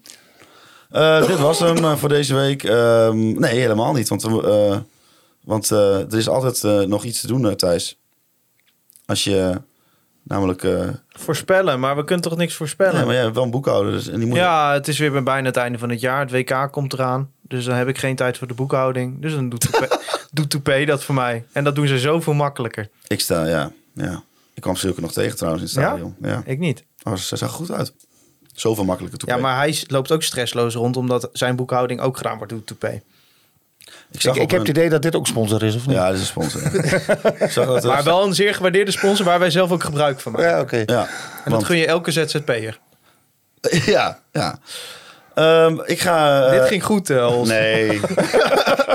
maar dit komt omdat het niet in het script staat. Ach. Ik wil Andy Zuidema bedanken voor hey, eh, na de het WK we eh, Siepel wel ongeveer wel bijna weer terug. Oeh, dat is nog een positieve. Dat Het WK! mensen- Nee, nee, oh nee, nee. Nee, wat nu Andy noemt. Mensen moeten dus allemaal echt eens een keer gaan kijken hè, bij dat viaduct. En dan pas wel op je, met je snelheid en zo, of er iemand achter je zit. Maar ik, ik, ik heb de eer gehad om dat te mogen openen. Die, die, die, die mooie afbeelding daar eh, in het helemaal beton. Die foto van Andy. Nou, dat is echt, daar mag, en Andy is daar super trots op. En daar mag hij ook heel trots op zijn. Maar ja. dat is zo mooi geworden hoe ze dat gedaan hebben. Dus ja, want ze hebben in de muur hebben ze de foto van Kieftenbel die Ja. die beker omhoog ja, de hele selectie Ja. eigenlijk helemaal eh, breed. Of, het- het is 40 Ja. bij 5, dus echt mega groot. En dan, Ja, dat zit in de, in de tunnel. Ja, sta je, ja, Ja. sta je er met de Europaweg, neus op, zie je het niet. Ja, en de, de, zeg maar de tunnel als je van het eh, stadion naar het centrum rijdt. Naar Ja. Ikea, zeg en het maar. is er daar. niet zeg maar opgespoten of zo. Nee. Het is echt in het beton verwerkt. Ja. Ja. en dat is echt prachtig. eh. Ja. Dus dat, daar, daar moeten mensen, als je nu nou ja, denkt van ik heb even een paar weken niks te doen. En 26 november de onthulling van eh, Dick Nanninga in het Oosterpark. Heeft niks met Groningen te maken, maar ik vind wel mooi dat dat in de stad, in ieder geval sporthelden. Ik, heb al, eh, eh, ik hou hem een beetje in de gaten. Want ik Dat is woon bij daar- jou om de hoek. Ja, dat is bij mij om de hoek. En ik loop daar altijd hard langs. ja, maar ik vind dat wel mooi dat dat soort dingen nu in de stad in ieder geval wel naar boven komen. Ja, maar dat is de, de, dat de, de, er zit nog heel veel meer van dat soort kunst aan te komen. Dus dat Ja. is wel heel vet. Ja. Tijdens het WK gaan wij een aantal podcasts maken die wat minder over de wedstrijd gaan. Eh daar kunnen we nu niet van zeggen, dat is elke week. Maar we zijn eh, gasten aan het regelen. ja. Hard mee bezig. Ik ga nog even naar New York. Jij gaat nog even naar New York volgende Ik week. ga nog even naar de, mijn eh, andere sport, favoriete sportclub. Ook leuk. De Chicago Bears. Sluit maar af, Hols. Oké, en die zouden maar bedankt voor de geweldige foto's die wij elke week mogen gebruiken. De Online Company en Beter bedankt voor het Online Company moment van de week. Toepé, zoveel makkelijker. Onze petje.affers bedanken. Free Westerhof, Emma Pepping voor de intro en outro muziek. Sean, Graag gedaan. gaat het nog? Het gaat nog. Ik neem nou ook winterstop. Bedankt voor je komst en eh, je toelichting. En als laatste natuurlijk onze luisteraars voor het luisteren naar Kon Veel Minder, de podcast. Juichen wij als FC Groningen weer scoort.